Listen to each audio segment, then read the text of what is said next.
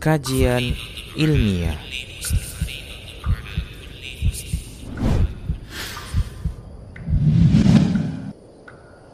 Assalamualaikum warahmatullahi wabarakatuh.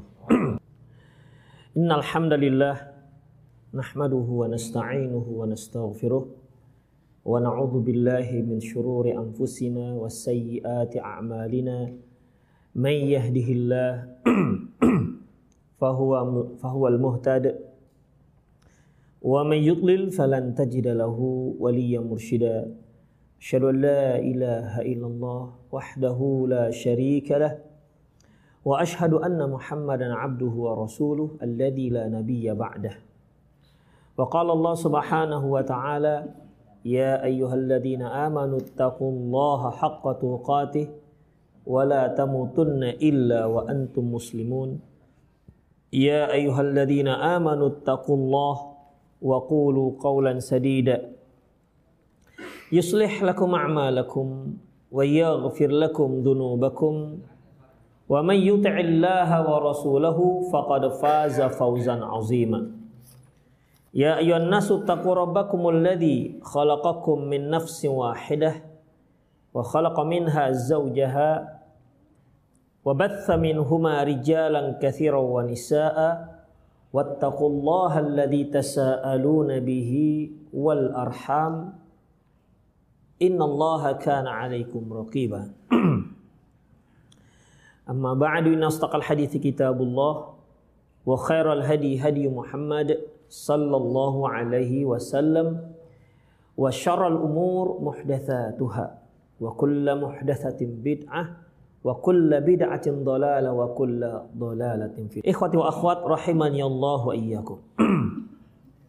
Alhamdulillah Allah Subhanahu wa taala mengumpulkan kita di tempat yang berbahagia ini di rumah Allah ini dalam rangka untuk mengingat kembali sejauh mana kecintaan kita kepada Rasulullah sallallahu alaihi wasallam kalau kita bicara tentang cinta, Ibnu Qayyim menyebutkan dalam kitab Asy-Syifa jilid 2 halaman 29 Al-mahabbatu kata beliau, al-mahabbatu la tuhad. Cinta itu tidak ada batasnya.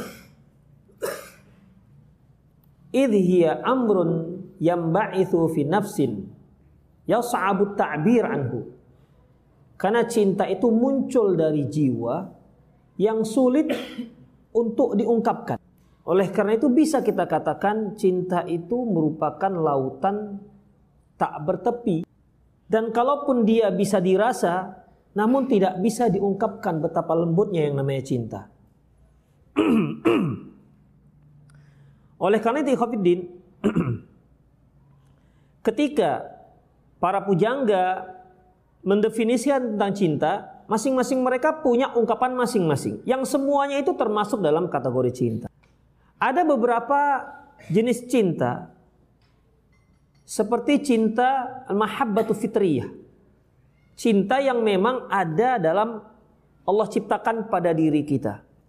Seperti kecintaan dengan sesuatu yang indah. Kecintaan dengan sesuatu yang lezat. Semua manusia menyukai ini semua. Seorang laki-laki pasti dia mencintai wanita yang cantik jelita menurut pandangan dia seorang wanita pasti dia akan menyukai seorang yang tampan dan rupawan. Itu sudah fitrah. Oleh karena itu, baik para ikhwan maupun para akhwat, kalau dia mau cari pasangan, dalam benak dia terfikir ini semua. Ingin mencari seorang ikhwan yang tampan dan rupawan. Kalau istilah akhwat kita sekarang yang enak dipandang. Demikian juga ikhwan. Ya. Kalau dia mau mencari pasangannya, tidak hanya untuk yang pertama ikhwafiddin, yang kedua, ketiga juga begitu. Ya, walaupun untuk yang kedua ataupun yang ketiga, tetap ada terfikir, ya kalau bisa yang cantik dan jelita. Itu merupakan sebuah fitrah. Allah yang menciptakan kecintaan seperti itu. Makanya tidak ada beda antara orang muslim dengan orang kafir. Sama saja. Ada standar yang namanya kecantikan, ada standar yang namanya keindahan, ada standar yang namanya kelezatan. Oleh karena itu, makanan yang lezat itu disukai muslim dan kafir sama saja. Pemandangan yang indah itu disukai, disukai, dicintai oleh muslim maupun kafir. sama saja. Itu namanya mahabbatu fitriyah. Kemudian ada yang kedua ikhafiddin, mahabbatul ma'nawiyah. Mahabbatul ma'nawiyah ini itu kecintaan seseorang terhadap akhlak yang baik, ya. Akhlak, kemudian uh, sikap dan tingkah laku yang mulia. Kalau yang ini ikhatifiddin harus berdasarkan kita sebagai seorang muslim harus ada dasar syariat. Karena sifat yang baik menurut Islam belum tentu baik menurut non-Islam. Non-muslim. Ini harus didasari oleh syariat Allah Subhanahu wa taala. Kecintaan terhadap sesuatu yang sifatnya baik, akhlaknya baik. Walaupun itu juga umumnya dicintai dan disukai oleh orang-orang kafir, orang-orang non-muslim. Kemudian ada juga ikhwafiddin kita menyukai seseorang dikarenakan dia sering memberi kita. Sering menolong kita. Atau dia cinta kepada kita. Maka kita pun membalas cintanya. Cinta yang seperti ini ini ibarat ibaratnya seperti apa namanya ya? E, tanda syukur kita kepadanya. Dia suka membantu kita, maka kita pun suka kepada dia. Sebagai tanda syukur kita sebagai tanda terima kasih kita kepada dia. Sungguh sangat buruk akhlak seseorang, dia sering dibantu oleh seseorang namun dia benci dengan orang tersebut. Umumnya ikhwafiddin, kita mencintai, menyukai orang yang sering memberi kita. Itu secara umum. Sampai Rasulullah mengatakan, tahadu, tahabu. Hendaklah kalian saling memberi hadiah, niscaya kalian akan saling mencintai. Makanya banyak yang menggunakan cara ini untuk membuat hati seseorang jatuh. Seorang ikhwan memberi hadiah kepada seorang akhwat. Itu bisa membuat jatuh hatinya.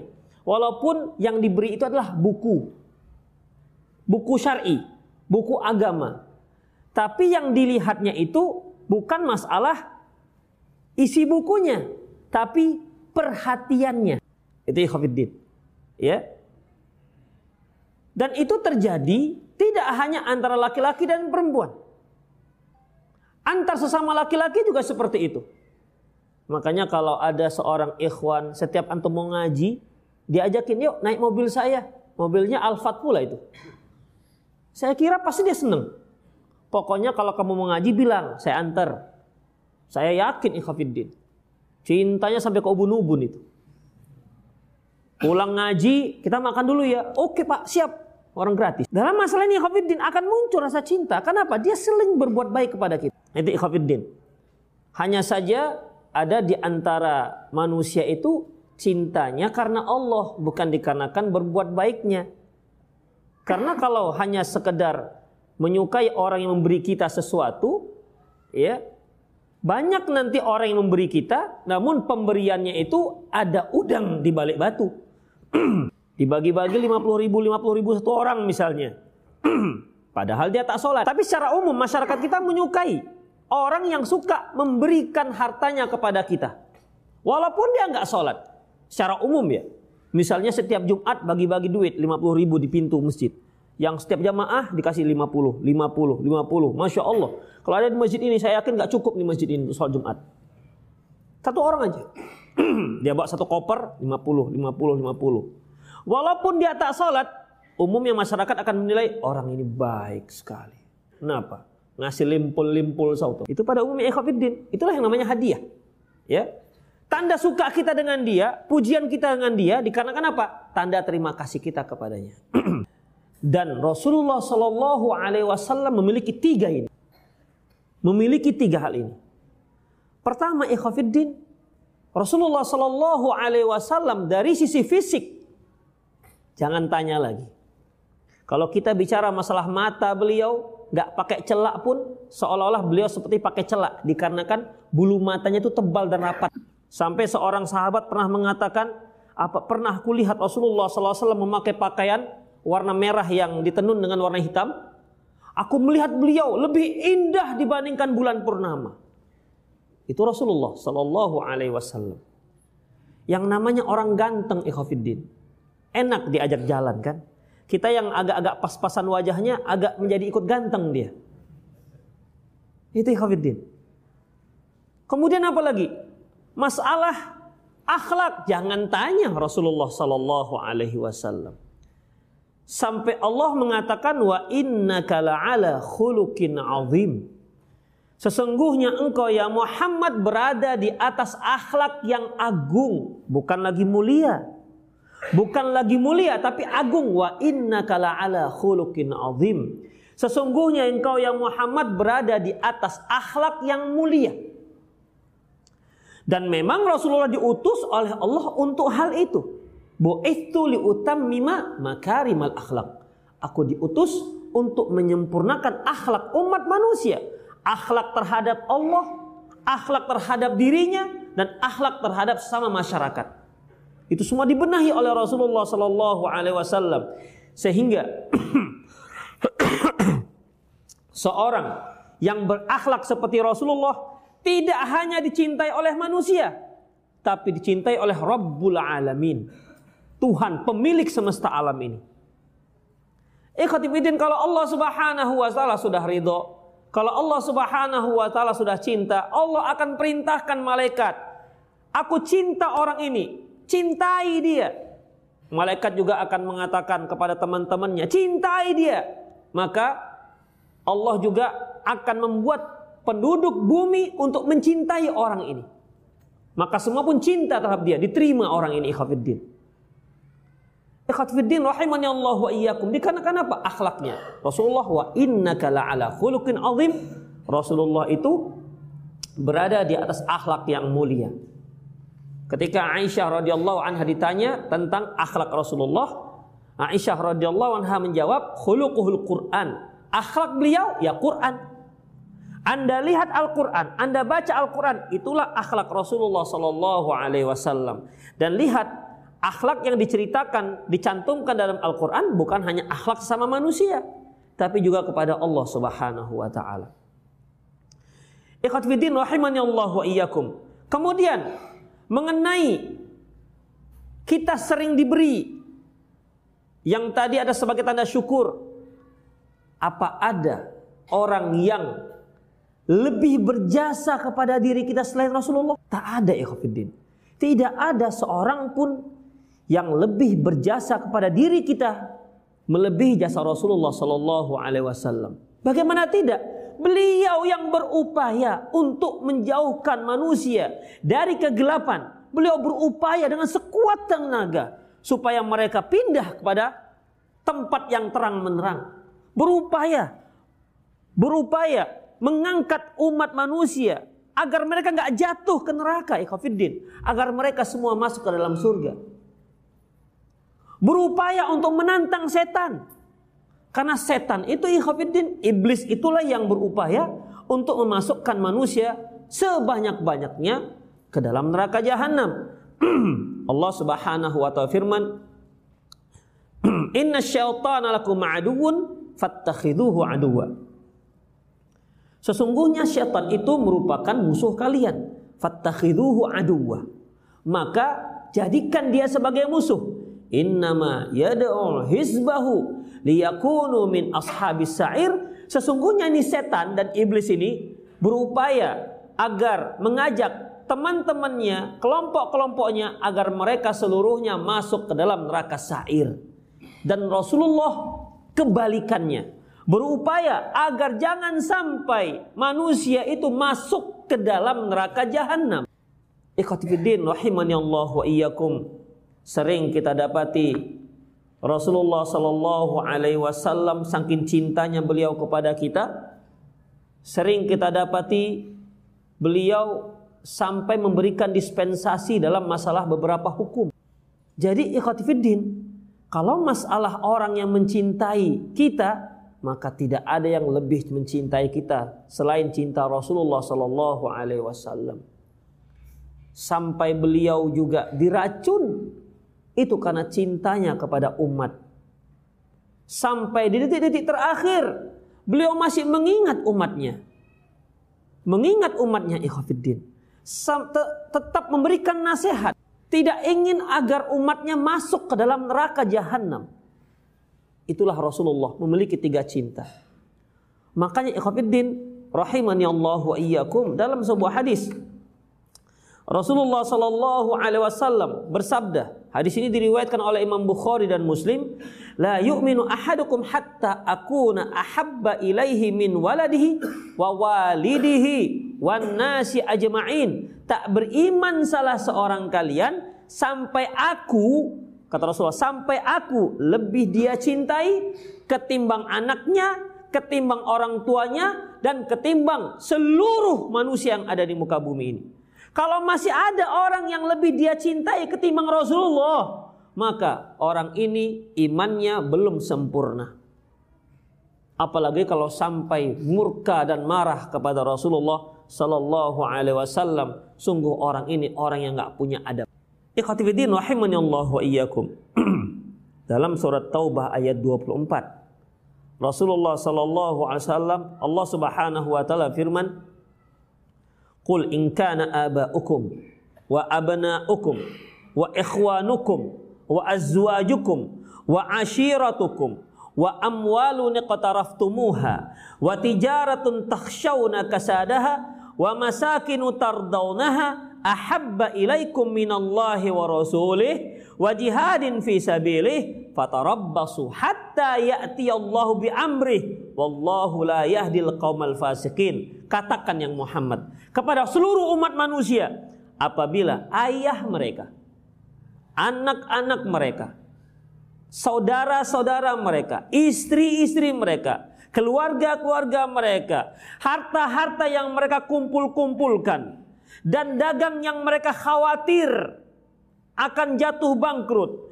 Dan tempat tinggal mereka yang sangat nyaman lebih dia cintai ketimbang Allah dan Rasulnya fatarabbasu. Tunggu saja. Sampai Allah menetangkan azab. Hatta ya'ti Allah bi amri wallahu la yahdil qaumal fasiqin. Allah tak akan memberi hidayah orang-orang yang fasik. Jadi ikhwatiddin rahimani Allah wa iyyakum berbicara tentang cinta kepada Rasulullah itu tak sama kita bicara tentang cinta kita kepada anak-anak kita tidak sama dengan bicara cinta tentang dengan istri kita. Tak sama dengan cinta kita kepada orang tua kita. Semuanya itu harus berada di bawah cinta kita kepada Rasulullah Sallallahu Alaihi Wasallam. Tak boleh tidak. Ini mutlak. Kalau itu semua lebih dia cintai kepada Allah dan Rasulnya, lebih dia cintai ketimbang jihad fisabilillah, tunggu saja. Azab Allah akan turun ditimpakan Allah kepada umat tersebut. Ikhwatifiddin rahimani Allah wa iyyakum. Kemudian ada hal-hal yang penting untuk kita ketahui yaitu lantas mengapa kita mencintai Rasulullah? Kan tentu ada alasan. Tadi telah kita berikan mukaddimahnya. Bahwasanya cinta itu ada cinta fitriyah, ada maknawiyah, dan ada cinta dikarenakan kita itu sering di tolong oleh orang. Ketiga-tiganya ada pada diri Rasulullah sallallahu alaihi wasallam. Kemudian lima dan nuhibbu Rasulullah sallallahu alaihi wasallam. Mengapa kita cinta kepada Rasulullah sallallahu alaihi wasallam? Yang pertama yaitu nuhibbuhu li'annahu habibullah. Kita cinta kepada Rasulullah karena Rasulullah adalah kekasih Allah. Oleh karena itu ikhwatiddin rahimani Allah wa iyyakum. Apabila Allah mengasihi seseorang, maka wajib kita untuk mencintai orang-orang yang disayangi dan yang dikasih oleh Allah Subhanahu wa Dan ini merupakan kecintaan yang sangat agung. Rasulullah pernah bersabda, "Innallaha ittakhadhani ittakhadhani khalila kama ittakhadha Ibrahim khalila." Sesungguhnya aku telah dijadikan Allah sebagai kekasihnya sebagaimana Ibrahim juga telah dijadikan kekasih oleh Allah Subhanahu wa taala. Dalam hadis yang diriwayatkan oleh Muslim, beliau mengatakan, "Walakin sahibukum khalilullah." Teman kalian ini adalah khalilullah, kekasih Allah. Lihat gimana akhlak Rasulullah. Sahibukum. Ya, teman kalian. Ikhafidin ini menunjukkan bagaimana beliau ingin agar beliau itu sejajar dengan para sahabat yang lain. Beliau nggak katakan aku adalah kekasih Allah, enggak, tapi teman. Beliau nggak katakan Rasul kalian ini, Nabi kalian ini, enggak. Tapi beliau sebutkan dengan kalimat walakin sahibukum. Hanya saja teman kalian ini adalah khaliluhu, khalilullah, yaitu kekasih Allah Subhanahu wa taala. Ikhatifiddin sebenarnya kan sudah pantas Rasulullah berbangga karena dia dijadikan sebagai sebagai kasih Allah Subhanahu wa taala. Kekasih Rabbul Alamin, pemilik alam semesta, tak tanggung-tanggung ikhwatiddin. Kita saja kalau kita disukai ataupun dekat dengan lurah, bangganya sampai ke ubun-ubun. Datang lurah, cepret, ceprot. Naik gubernur, Masya Allah. Itu dekat dengan saya gubernur itu. Orang harus tahu bahwa saya dekat dengan gubernur. Salaman dengan gubernur. Akhirnya rumahnya semua salaman dengan presiden, salaman dengan gubernur. Penuh semua. Untuk memberitahu kepada setiap tamu yang datang, aku ini dekat tuh dengan para pejabat-pejabat. Padahal dekat dengan para pejabat belum tentu masuk surga. Rasulullah Shallallahu Alaihi Wasallam dekat dengan Allah, pemilik alam semesta. Tapi ucapannya walakin nasahibukum. Tapi teman kalian ini. Kita Masya Allah kalau sudah seperti itu. Na'udzubillah min dalik. Sombongnya luar biasa. Kalau ada yang berani menentang-nentang dia. Mau kupecat kau dari sini. Besok jangan kau di sini jualan. Kalau enggak, kau enggak tahu siapa aku. Adiknya Kepling. Ikhafiddin rahimani Allah wa iyyakum. Satu hal yang terkadang dan sering itu terjadi dalam dunia kita. Makanya, masya Allah ya, akhlak beliau itu memang luar biasa. Itu yang pertama. Mengapa kita mencintai beliau? Karena beliau adalah kekasih Allah Subhanahu wa taala. Sudah sangat selayaknya kita mencintai orang yang dicintai oleh Allah Subhanahu wa taala.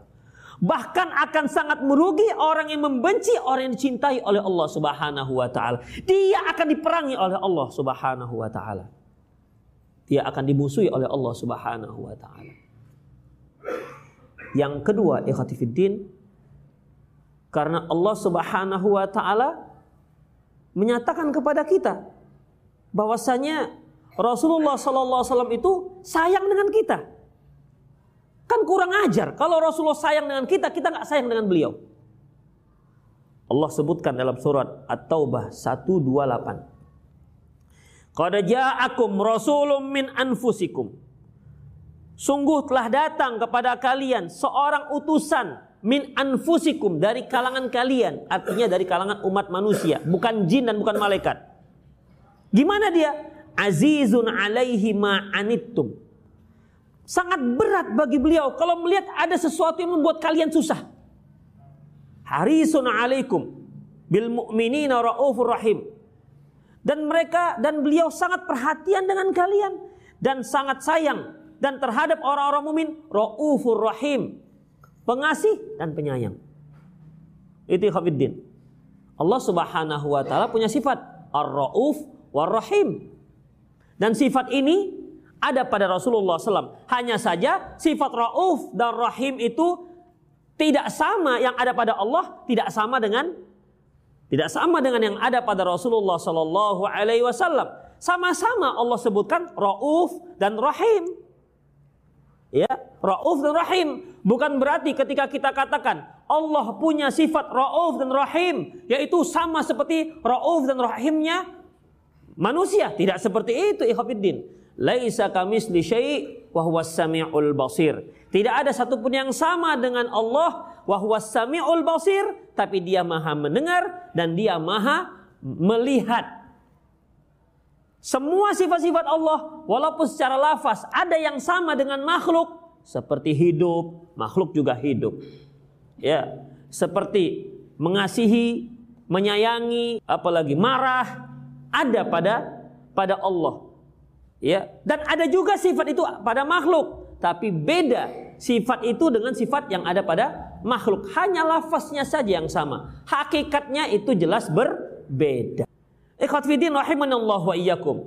Jadi kalau kita lihat Rasulullah sallallahu alaihi wasallam cinta kepada kita, sayang kepada kita. Maka sudah sangat selayaknya kita mencintai Rasulullah sallallahu alaihi wasallam. Berapa banyak dalam hadis ikhafiddin beliau mengatakan laula an asyqa ala ummati laula an asyqa ala ummati seandainya tidak menyusahkan umatku satu lafaz menyebutkan la amartuhum bisiwak indal qulil wudu. Niscaya akan aku perintahkan mereka untuk bersiwak setiap kali wudu. Lafaz yang lain laula an asyqa ala ummati seandainya tidak menyusahkan umatku la akhartul isya ila nisfil lail niscaya aku akan tunda pelaksanaan salat isya hingga malam hari hingga setengah malam tapi kan akan menyusahkan umatku Sebenarnya Rasulullah kepingin sholat isya itu sekitar jam 12. Adzan jam 8, setengah 8, sholatnya jam 12 atau setengah 12. Pernah satu kali Rasulullah Sallallahu Alaihi Wasallam ditunggu oleh para sahabat di masjid, tak keluar keluar sampai para sahabat itu apa namanya yafkituru usahum sampai mereka apa namanya ini? Terkantuk-kantuk. Ya kepala mereka sampai terkantuk-kantuk Ketika hampir tengah malam barulah beliau keluar. Lantas sahabat langsung melaksanakan sholat bersama Rasulullah. Apa kata beliau? Seandainya tidak menyusahkan umatku, akan aku perintahkan untuk sholat isya. Ini dia, mal, ini dia waktunya.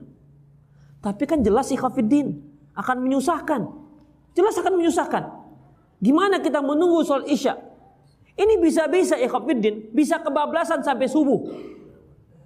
Seandainya pelaksanaan Isya itu jam setengah 12 atau jam 12, saya khawatir ini banyak yang kebablasan. Kenapa? Tidur dululah menunggu Isya. Ya kan? Karena kan apa namanya marginnya terlalu jauh.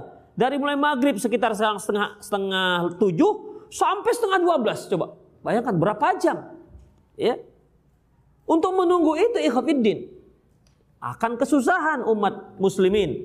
Makanya beliau katakan laula an asyukka ala umati seandainya tak menyusahkan umatku. Jadi bagaimana? Gak jadi.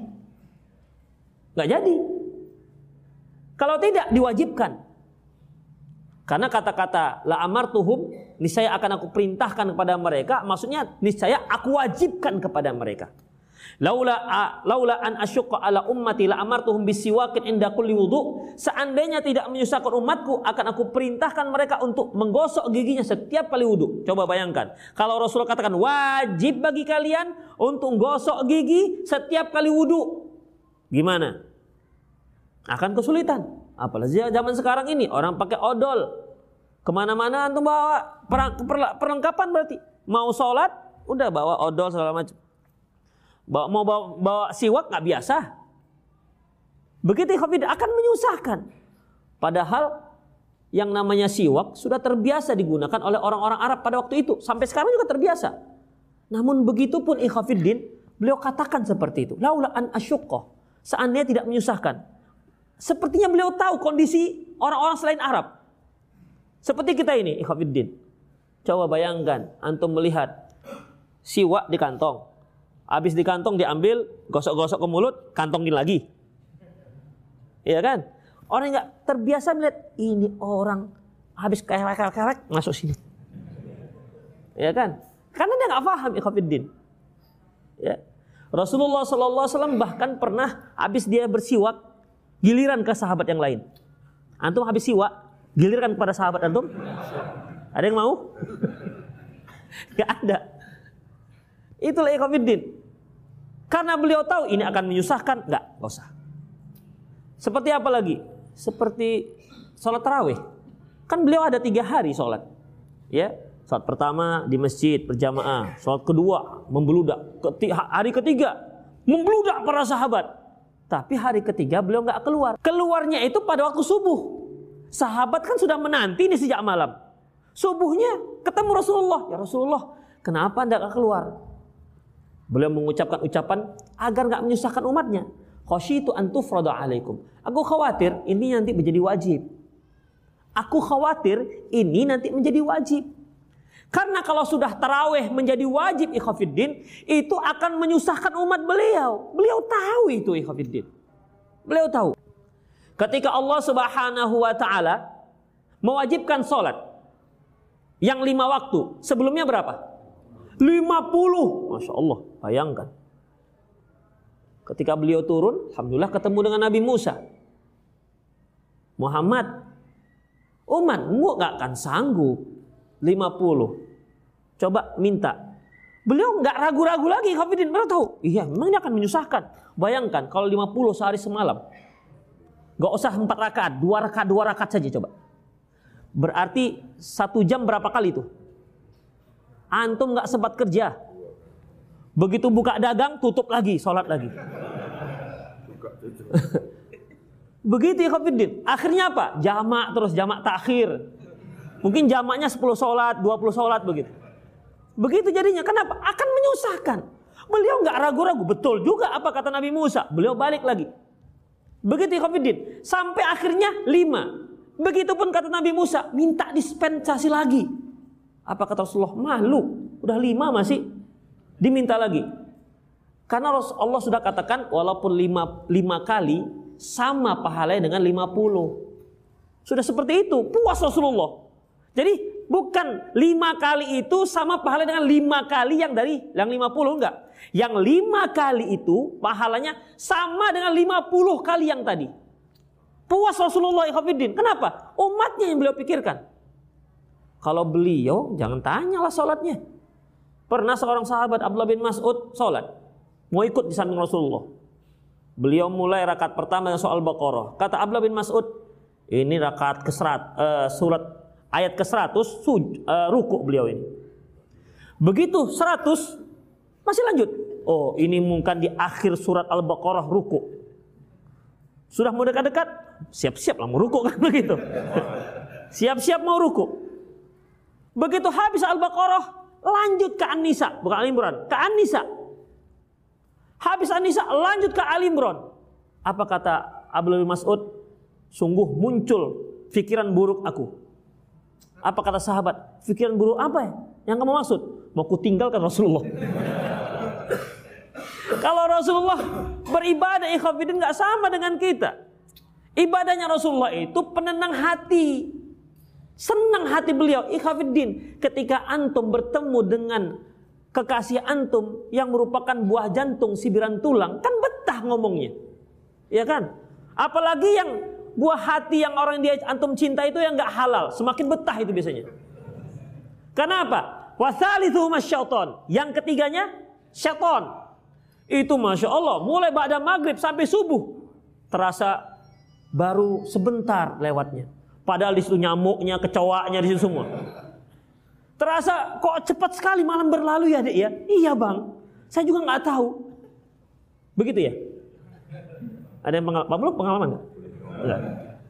Demikian Ingobidin itu dengan orang yang dicintai. Rasulullah Shallallahu Alaihi Wasallam bertemu dengan yang dia cintai, yaitu Allah Subhanahu Wa Taala. Jadi kalau Rasulullah bisa jadi beliau, bisa. Tapi kita Beliau tidak memikirkan diri beliau, tapi yang beliau pikirkan umatku sanggup apa tidak. Jadi kalau ada manusia yang seperti ini sangat cinta dengan dengan umatnya, sungguh sangat kurang ajar kalau dia nggak cinta kepada Rasulullah Shallallahu Alaihi Wasallam. Kemudian apalagi ikhwatifidin rahimani Allah wa iyyakum.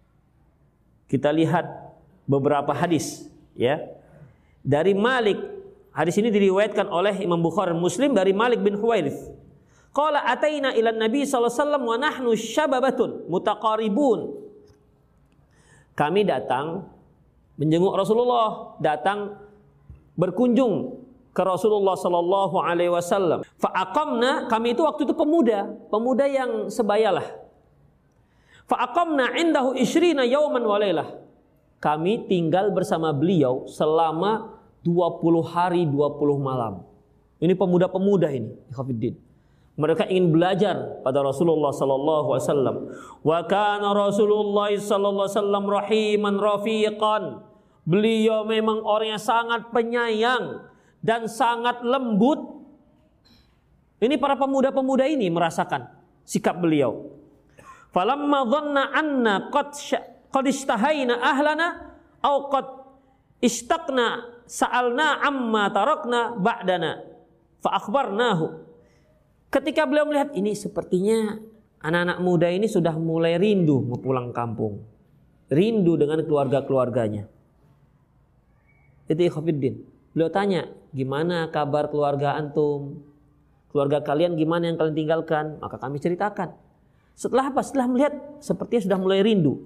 Ikhafiddin, itu sahabat gak ada yang gak ada yang mengatakan, ya Rasulullah, kapan kami pulang? gitu. Ya, Kapan kami pulang ya Rasulullah? Tapi beliau tahu. Makanya seorang dai itu Khofiddin harus tahu kapan madaunya sudah mulai bosan mau pulang. Harus tahu. Iya benar Khofiddin. Kalau nggak bisa dipaksakan. Rasulullah juga tahu Khofiddin. Ini ini sepertinya mereka ini sudah mulai kangen. Kangen. Sudah mulai jemu. Mulai kangen dengan keluarganya. Makanya Rasulullah bertanya, gimana keluarga kalian? Keluarga antum gimana? Oh begini-begini Rasulullah. Ya sudah. Qala irji'u ila ahlikum. Dah, besok kalian pulang ke keluarga kalian. Fa'aqimu fihim dan tinggal di sana. Fa'allimuhum wa muruhum. Ajarkan mereka, perintahkan mereka dengan apa yang telah kalian dapati. Jadi 20 eh, beberapa orang sahabat yang masih muda-muda ini belajar dengan Rasulullah selama 20 hari 20 malam. Ya kalau kita katakan seperti training gitulah ya ya 20 hari 20 malam. Kita kalau training tiga hari tiga malam aja bawaannya mau pulang aja kan? Jangankan tiga, tiga hari tiga hari tiga malam ikhafidin ngaji kalau sudah dua jam itu bawaannya mau pulang aja. Kecuali kalau ada nanti habis taklim ada makan-makan. Ah, itu sabar lah insya Allah. Taib ikhafidin jadi udahlah kalian besok pulang ya dan ajarkan mereka orang-orang kalian, keluarga-keluarga kalian dengan apa yang telah kalian dapati. Wa asya ahfadhuha aw la ahfadhuha. Dan beliau menyebutkan beberapa hal yang perlu diingat, yang perlu diajarkan kepada para para keluarga yang di rumah. Ada yang aku hafal dan ada yang tak aku hafal, ada yang aku lupa. Kemudian wasallu kama raaitumuni usalli. Ingat, kalian salat seperti kalian lihat aku salat. Perhatikan ikhwafiddin. Di sini ya Rasul tidak lupa dengan masalah solat. Solu kama muni usolli. Ingat, kalau kalian solat, ingat gimana solatku. Jangan buat solat macam-macam. Jangan ada rekayasa-rekayasa. Solat seperti kalian melihat aku solat. Makanya ikhwafiddin. Masalah solat itu diriwayatkan oleh para sahabat dengan riwayat yang sangat rinci. Sangat rinci. Di mana letak tangan, di mana letak jari, di mana ke mana mata harus memandang, bagaimana cara ruku, bagaimana cara sujud, apa bacaannya, beberapa bacaannya ada juga. Luar biasa ikhwafiddin. Ke mana menghadapnya, kalau kamu mengangkat tangan, ke mana kamu angkat, bagaimana posisi jari, kemudian kakimu bagaimana, kalau kamu berjamaah bagaimana caranya, disebutkan dengan sangat detail sampai salam. Bagaimana cara salam, bagaimana cara menolak ke kiri dan ke kanan. Setelah itu zikirnya. Disebutkan juga apa zikirnya, apa saja yang disebutkan dalam ketika setelah sholat. Semua rinci luar biasa. Sahabat pun memperhatikan ikhwafiddin. Bayangkan satu hari lima kali. 20 hari kali lima berapa? 100 kali. Tapi ingat, tidak ada di situ penyebutan doa berjamaah. Zikir berjamaah. Tandanya memang tak ada. Ya, tandanya memang tidak ada. Kalau enggak pasti disebutkan. Tidak ada hal-hal yang bid'ah yang banyak dilakukan oleh orang sekarang. Hanya berdasarkan uh, kebiasaan dan berdasarkan hadis-hadis umum. Loh, kan boleh kita berzikir, boleh, tapi apakah itu pernah dilakukan Rasulullah? Sallu kama ra'aitumuni kata Rasulullah. Kalian salat seperti kalian melakukan salat. Kemudian, fa idza ahdarat shalah falyu'adzin lakum ahadukum. Apabila waktu sholat sudah masuk, maka adzanlah salah seorang kalian. Kemudian, waliya ummakum akbarukum dan hendaklah yang mengimami kalian yang paling tua usianya. Loh, bukankah Rasulullah pernah menyebutkan dalam hadis yang lain, waliya ummukum akra'ukum bi kitabillah. Hendaklah yang mengimami kalian adalah orang yang paling pandai, yang paling banyak hafalannya, yang paling bagus bacaannya terhadap kitabullah. Mengapa dalam hadis ini disebutkan wal ya ummukum akbarukum? Hendaklah yang mengimami kalian adalah yang paling tua di antara kalian. Mengapa demikian ikhwatiddin? Karena mereka tadi kan sama-sama pemuda. Mereka belajar kepada Rasulullah selama 20 hari 20 malam. Berarti apa? Bacaannya sama, ilmunya sama. Tinggal kalau sudah bacaannya sama, ilmunya sama, maka yang lebih dikedepankan yang lebih tua usianya. Jadi jangan jangan terlalu miris kalau orang mengatakan antum sudah tua ya, jangan. Ya. Itu sudah sunatullah begitu. Kemudian ikhwatiddin, coba dari kisah ini nampak sekali bahwasanya Rasul sangat sayang dengan para pemuda ini. ya. Yang menunjukkan bahwasanya para pemuda-pemuda ini harus dirangkul. Jangan disepak. Dan jangan disisihkan. Mereka ini yang punya punya potensi. Mereka ini yang punya waktu banyak. Yang tuwek-tuwek, Masya Allah ikhwafiddin. Itu sudah gemetar tuh lututnya. Tapi mereka banyak ustadz di masjid, iya udah pensiun, gak ada harapan lagi itu. Disuruh kerja juga yang ada mungkin ngeritik aja tinggal. Suruh kerja sudah gak bisa lagi sebenarnya. Begitu ikhwafiddin. Rasulullah tahu ini, Masya Allah ini pemuda. Ini perintis. Ini penurus beliau. Meninggal beliau, wafat beliau, mereka-mereka ini akan memperjuangkan Islam kembali. Estafet mereka inilah. Makanya ikhwatiddin, kalau kita hanya apa namanya memperhatikan yang tua-tua saja, meninggal yang tua-tua habis. Ada satu masjid ikhwatiddin, imamnya yang tua-tua. Kenapa yang tua-tua? Yang muda nggak ada, nggak ke masjid. Kan sangat disayangkan. Ya, dulu saya masih ingat lagi waktu masih muda-muda dulu, ada remaja masjid. Ya. Tapi sayangnya sekarang ada remaja masjid. Namanya ada remaja masjid, tapi tak pernah ke masjid. Pas waktu maulid, lalu datang mereka. Baru muncul remaja masjid. Pas ada acara apa gitu lomba-lomba, baru muncul remaja masjid. Tidak ada acara dan tidak ada event, tak pernah muncul di masjid. Akhirnya ikhwafiddin, para pemuda ini tidak jadi penerus.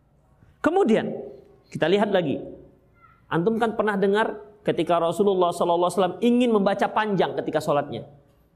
Aku ingin membaca bacaan yang panjang kata beliau. Eh, ku dengar tangisan bayi. Ya, ku dengar tangisan bayi dan aku pun merasa betapa betapa terganggunya ini ibu. Maka aku pun cepat, aku percepat sholatku supaya apa? Supaya si ibu bisa mengurusi anaknya. Yang lebih hebat lagi ikhwafiddin, yang mereka yang beliau pikirkan si ibu, bukan bapak. Karena beliau tahu bapak itu anteng aja mau anak yang gelupur juga gak ada masalah. itu ibu. Ya, itu ibu. Makanya kalau ada ngaji kan anak-anak ke ibu. Ya kan? Ngaji anak-anak ibu. Makanya kadang-kadang bukan kadang-kadang sih sering juga kita miris dengan mak-mak ini. Kalau pas pengajian ikhwan akhwat si ibunya yang jaga anak-anak. Pas pengajian akhwat tetap jaga anak-anak. Jadi anaknya empat lari sana lari sini. Gimana dia mau konsentrasi? Antum antum ketika sudah menga, me, apa namanya mengantar istri antum untuk taklim, jagalah anak antum itu. Biar istri antum konsentrasi, bisa belajar dia. Kalau kita di mencirim sampai kita buat tingkat pertama untuk ibu-ibu yang bawa anak, tingkat kedua yang nggak bawa anak. Kenapa? Kalau ibu-ibu yang bawa anak nggak bisa belajar, Ikhwafiddin. Gimana bisa belajar? Apa namanya? Jendela masih diuyak-uyak. Demikian, lari sana, lari sini. Gimana? Si ibu mau tenang gimana? Gak bisa. Itulah ikhwafiddin rahimani Allah wa iyyakum. Jadi mendengar, aku dengar tangisan bayi. Ah ini pasti pasti ibunya nggak konsentrasi lagi nih. Bakal dia gimana ya anakku? Bakal khawatir. Maka aku percepat sholatku kata Rasulullah. Supaya apa? Supaya ibunya segera mengurusi anak-anaknya. Kemudian ikhwafiddin rahimani Allah wa iyyakum. Apalagi tanda cinta Rasulullah SAW yaitu perhatian beliau terhadap seluruh lini kehidupan umatnya. Makanya beliau atur semua lini kehidupan umatnya supaya apa ya Khafiddin? supaya hidup mereka itu menjadi ada nilai ibadahnya. Makanya Rasulullah Shallallahu Alaihi Wasallam mengatur hidup kita dari mulai tidur sampai tidur kembali. Sangat disayangkan, sangat disayangkan kalau kita melewatkan waktu-waktu kita itu tidak ada nilai ibadahnya. Oleh karena itu, masalah makan diatur oleh Rasulullah, masalah tidur diatur oleh Rasulullah, bahkan ketika di WC pun diatur oleh Rasulullah sallallahu alaihi. Apalagi masalah negara, pastilah diatur.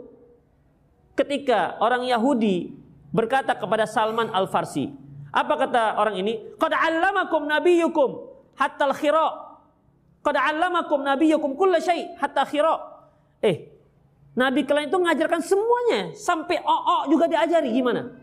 Adab ke WC juga diajari. Apa kata Salman Al-Farsi? Naam, ajal. Iya.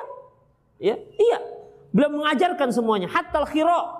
Sampai-sampai kodo hajat juga diajarkan. Gimana cara istinja. Diajarkan oleh beliau. Coba sebutkan. Mana Nabi selain Rasulullah yang mengajarkan gimana istinja? Tidak ada. Coba bayangkan. Ketika kita istinja yang teringat kita bagaimana cara Rasulullah istinja. Kita laksanakan sunnah beliau. Istinja kita itu berpahala. Coba ikhafidin. Di WC pun bisa kita mendapatkan pahala. Makanya kalau orang-orang nggak faham dengan cintanya Rasulullah kepada kita, mereka nggak tahu ini semua ikhafidin. Makan, orang-orang kafir juga makan ikhafidin. Memberi nafkah kepada keluarga, orang kafir juga memberi nafkah. Antum kira antum saja mencari nafkah. Mereka lebih pintar cari nafkahnya. Mereka mungkin satu hari dapat jutaan, antum 20 ribu, 30 ribu. Tapi kemenangan kita sebagai seorang muslim, jadikan itu menjadi ibadah. Ada nilai ibadahnya. Jadikan makan kita itu ada nilai ibadahnya. Jangan sama dengan orang-orang kafir. Allah Subhanahu wa taala mengatakan walladzina amanu uh, alladzina kafaru yatamatta'una kama ya'kuluna kama Walladzina kafaru yatamatta'una wa ya'kuluna kama ta'kulu an'am wan naru lahum. Orang-orang kafir itu makan dan bersenang-senang itu seperti mereka makan dan bersenang-senangnya hewan ternak. Neraka tempat mereka. Kita muslim kan juga bersenang-senang dengan istri kita, dengan anak kita. Kita muslim juga makan. Tapi kita ingin bersenang-senangnya kita, makannya kita, ujungnya surga. Itu ikhwafiddin. Jelas kalau Rasulullah SAW. Itu menunjukkan kecintaan. Sampai-sampai Rasulullah sering mengatakan, Hal balaghtukum, apakah aku sudah menyampaikan kepada kalian? Sering disebutkan. Sudah ya Rasulullah, Allahumma syahad, ya Allah saksikan, aku sudah sampaikan.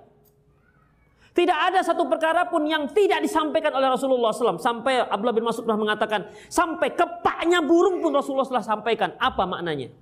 Sampai seperti itu ya Khafiddin. Jadi kalau ada satu kebaikan yang kita lakukan sekarang tak pernah ada pada zaman Rasulullah, tak pernah disampaikan Rasulullah, berarti itu tandanya memang tak ada. Jadi mudah ikhwafiddin. Apa pernah ada kebaikan yang kita tahu Rasulullah tak tahu? Masya Allah. Itu tuduhan luar biasa ikhwafiddin. Tuduhan luar biasa. Saya ulangi, apabila apabila kita meyakini ada satu kebaikan yang Rasulullah tak pernah melakukannya, ini merupakan tuduhan luar biasa terhadap Rasulullah Sallallahu Alaihi Wasallam. Ikhwatifidin rahimani wa iyyakum. Kemudian selanjutnya yaitu kita lihat bagaimana cintanya para sahabat. Ini penting ikhwafiddin. Ya, supaya kita tahu juga bagaimana generasi terhebat dalam mencintai orang yang hebat. Kalau kita mau jadi hebat, tiru orang yang hebat. Kalau mau jadi jahat, tiru penjahat. Makanya tidak ada yang lebih meniru Rasulullah melebihi para sahabat meniru Rasulullah sallallahu alaihi wasallam. Sampai seorang sahabat ketika melihat Rasulullah makan apa namanya? makan labu, dia lihat Rasulullah makan labu. Dia ambil-ambil labu, dipilihnya labu. Apa kata sahabat ini? Sejak itu aku suka labu. Bayangkan, sampai seperti itu. Oleh karena itu, Ikhwanuddin, tidak ada kebaikan yang dilakukan oleh para sahabat, ya, yang dilakukan oleh para sahabat, tidak ada kebaikan yang dilakukan yang dilakukan oleh kaum muslimin kecuali para sahabat telah lebih dahulu melakukannya.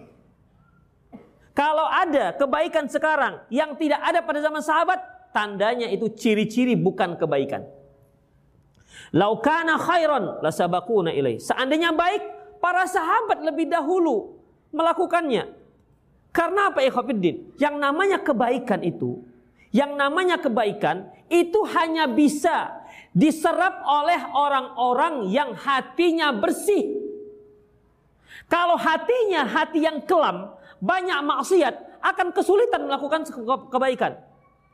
Makanya Abdullah bin Mas'ud mengatakan, "Mangkana minkum mustannan falyastan nabi mangkotmat." Barang siapa yang ingin mengambil sunnah, ambil sunnah dari orang-orang yang sudah meninggal. Siapa itu? Ulaika ashabu nabiyikum. Mereka adalah sahabat-sahabat nabi kalian. Kanu abarruhum kuluban. Mereka adalah orang yang paling baik hatinya.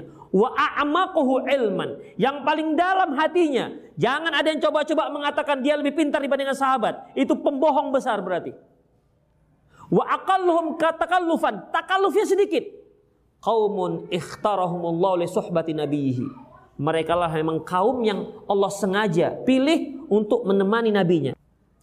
Kemudian fa'rafu anhum fadlahum. Maka ketahuilah Hendaklah kalian ketahui bagaimana cara keutuhan mereka. Wa tamassaku bidinihim wa akhlaqihim. Pegang agama mereka dan pegang akhlak mereka. Innahum kanu ala hudam mustaqim. Mereka itu sesungguhnya berada di atas jalan yang lurus. Kalau kalian mau menuju surga, ikuti surga, ikuti jejaknya para sahabat. Ikuti jejaknya para sahabat. Karena jejak mereka itulah yang menuju surga. Makanya yang mau mengambil sunnah, ambil sunnahnya para sahabat. Jangan dari yang lain. Kenapa? Fa'innal hayya la tu'man alai fitnah. Yang masih hidup nggak aman dari fitnah. Udah langsung pada para sahabat. Sampai Abdullah bin Mas'ud mengatakan, "Innallaha nadhara ila qulubil ibad, fawajada qalba Muhammadin khaira qulubil ibad." Sesungguhnya Allah itu melihat hati para hamba dan ternyata hati manusia yang terbaik adalah Rasulullah SAW. Hati Rasulullah. Summa nadhara ila qulubil ibad, ba'da qalbi Muhammadin. Kemudian Allah melihat lagi ke arah hatinya para hamba. Fawajada khaira qulubil ibad. Maka beliau maka Allah melihat mendapatkan hati yang terbaik setelah hatinya Muhammad yaitu hatinya para sahabat. Makanya kebaikan apa pun mudah mereka lakukan ikhwatiddin. Gak sama seperti kita sekarang. Setiap kebaikan, aduh nantilah kita pikir-pikir dulu lah. Makanya satu kebaikan, dua kebaikan itu banyak sekali sensornya. Kadang-kadang harus istikharah dulu. Ya, terima nggak? Sesat nggak ya? Sesat nggak ya? Begitu ikhwat lama dia. Pengalaman saya itu ter pengajian ada yang begitu ngaji, mereka duduk-duduk di tiang di tiang ujung sana. Di tiang ujung itu pakai HP, tapi sambil dengar. Itu kan tandanya tidak langsung menerima. Lama-lama dekat, dekat, dekat, dekat ikut ngaji. Itu ikhwafiddin. Sahabat enggak? Ya, langsung. Abu Bakar ketika orang-orang Quraisy mengatakan, "Eh, Abu Bakar, teman ente itu, dia bilang kemarin baru pulang dari Syam, baru pulang dari Palestina. Sampainya sekarang. Coba kau pikir. Gila nggak tuh katanya. Kata Abu Bakar, siapa yang bilang? Ya temanmu. Siapa? Muhammad. Apa kata Abu Bakar? Seandainya dia katakan lebih jauh daripada itu, niscaya aku aku percaya. Lari orang ini. Di situlah Abu Bakar diberi gelar As-Siddiq. Karena apa? Ikhwafiddin. Abu Bakar tak pernah melihat dari Rasulullah sekalipun beliau berbohong. Dia tak tahu sejak kecil Gimana track recordnya Rasulullah Sallallahu Alaihi Wasallam? Makanya kita lihat bagaimana kecintaannya para sahabat terhadap Rasulullah Sallallahu Alaihi Wasallam. Kita harus kita perlu mendengar kisah-kisah beliau, kisah-kisah para sahabat. Taib ikhwatiddin rahimanallah wa iyyakum. Awal pertama sekali eh, apa namanya dakwah secara terang-terangan, ya Abu Bakar dan Rasulullah SAW bersama para sahabat yang lainnya, Abu Bakar dan para sahabat lainnya, ya pergi ke sekitar Ka'bah. Rasulullah duduk, Abu Bakar menceritakan tentang Islam itu apa. Sementara sahabat yang lain bersama keluarga-keluarganya khusus. Maka Abu Bakar pun di, dikeroyok oleh orang-orang Quraisy. Pada Abu Bakar ini orang yang terhormat, dikeroyok. sampai Utbah bin Rabi'ah. Utbah bin Rabi'ah ngambil sendalnya, ikhafidin, diambil sendalnya, antum jangan pikirkan sendal itu seperti sendal swalu. Sendal orang dulu itu sendal kulit, antum tahu gimana? Pedasnya itu. Itu kalau satu lapis, kalau tiga lapis, pukulnya muka Abu Bakar. Sampai berdarah-darah muka Abu Bakar. Kemudian datang kerabatnya Abu Bakar, diangkatlah, dibela Abu Bakar, diangkat sampai ke rumahnya. Kemudian mereka mereka apa namanya? Mereka berupaya supaya Abu Bakar bisa siuman dari dari pingsannya. Ingat, ketika Abu Bakar sadar, yang pertama yang dia katakan, Rasulullah gimana? Gimana Rasulullah? Padahal ini keluarganya belum Islam. Jengkel keluarganya ini. Kau baru sadar si, si Muhammad yang kotanya. Ditinggal dengan keluarganya. Begitu Ikhafiddin. Yang dia khawatirkan pertama itu Rasulullah Shallallahu Alaihi Wasallam bukan dirinya. Ketika dia hijrah bersama Rasulullah, itu Abu Bakar kadang depan, kadang belakang, kadang kiri, kadang kanan. Kenapa? Khawatir. Ketika dia khawatir, sepertinya ada sesuatu di kanan. Dia ke kanan. Seperti ada sesuatu di, di, di sebelah belakang Rasulullah, dia ke belakang. Saking khawatirnya dengan keselamatan Rasulullah Shallallahu Alaihi Wasallam. Ikhafiddin, mengapa Utbah bin uh, bin Rabi'ah ini sangat dendam dengan Rasulullah? Karena ikhafiddin ada salah seorang tukang sihir di Mekah ini dia meramalkan kalau nabi yang akan datang nanti itu diperkirakan seperti Utbah bin Rabi'ah ini. Itu dia. Karena dia menyambung tali silaturahmi, orangnya baik Masya Allah. Ya, dermawan. Luar biasa. Tapi ada satu yang nggak cocok dengan ciri-ciri dia yaitu usianya. Jadi orang-orang Alkitab ya telah memberikan ciri-ciri Rasul yang akan datang. Sejak dia tahu bahwa Rasul yang diutus ternyata bukan dia, dialah orang pertama yang sangat menentang Rasulullah Sallallahu Alaihi Wasallam. Kemudian temannya mengatakan, Rabi'ah, ya, Utbah, Utbah bin Rabi'ah, kamu kan tahu ciri-ciri Rasul itu ada pada si Muhammad. Apa katanya? Gimana aku mau mengakui? Aku sudah kadung mengatakan aku akan jadi rasul pada perempuan-perempuan Taif. Makanya dia yang pertama menentang Ikhwanuddin. Ketika Abu Bakar dakwah terang-terangan, dia yang terdepan menghajar Abu Bakar radhiyallahu anhu. Itulah Ikhwanuddin. Pengorbanan dan kasih sayang sayangnya para sahabat kepada Rasulullah. Itu Abu Bakar. Kemudian Ali bin Abi Thalib, apa katanya? Suila Ali bin Abi Thalib radhiyallahu anhu, "Kaifa kana hubbukum li Rasulillah sallam?" Ali bin Abi Thalib pernah ditanya, "Gimana sebenarnya cinta kalian kepada Rasulullah sallam?" Qala kanu Allahu ahabbu ilaina wa min amwalina, ahabbu ilaina min amwalina wa auladina wa abaina wa ummahatina wa min ma'il barid ala ala dham'a. Bahwasanya kanu Allah demi Allah, beliau lebih kami cintai ketimbang diri kami, ketimbang harta kami, ketimbang anak-anak kami, ketimbang ayah-ayah kami, ketimbang ibu-ibu kami, dan ketimbang air dingin di saat kami sedang kehausan. Ketimbang air dingin di saat kami sedang kehausan. Begitulah cintanya para sahabat terhadap Rasulullah SAW. Amr bin As, apa kata beliau? Ya, Amr bin As mengatakan, saya itu telah melalui tiga tahapan. Kalau kita katakan hijrah. Ya, tiga tahapan. Yang pertama yaitu aku sangat uh, apa namanya? Aku sangat membenci Rasulullah Sallallahu Alaihi Wasallam. Aku sangat membenci Rasulullah SAW.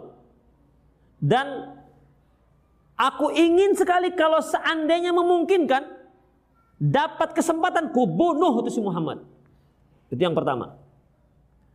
Kemudian falau mutu antil kahal lakuntu min ahli nar. Seandainya aku mati dalam kondisi seperti itu, pastilah aku penduduk neraka. Kemudian setelah Allah memberiku hidayah, mulailah aku mencintai beliau. Aku datangi dan aku mau bayat. Cinta tapi masih permulaan.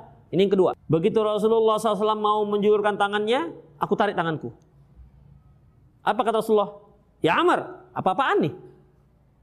Rasulullah, aku mau beri syarat ya Rasulullah. Apa syaratmu?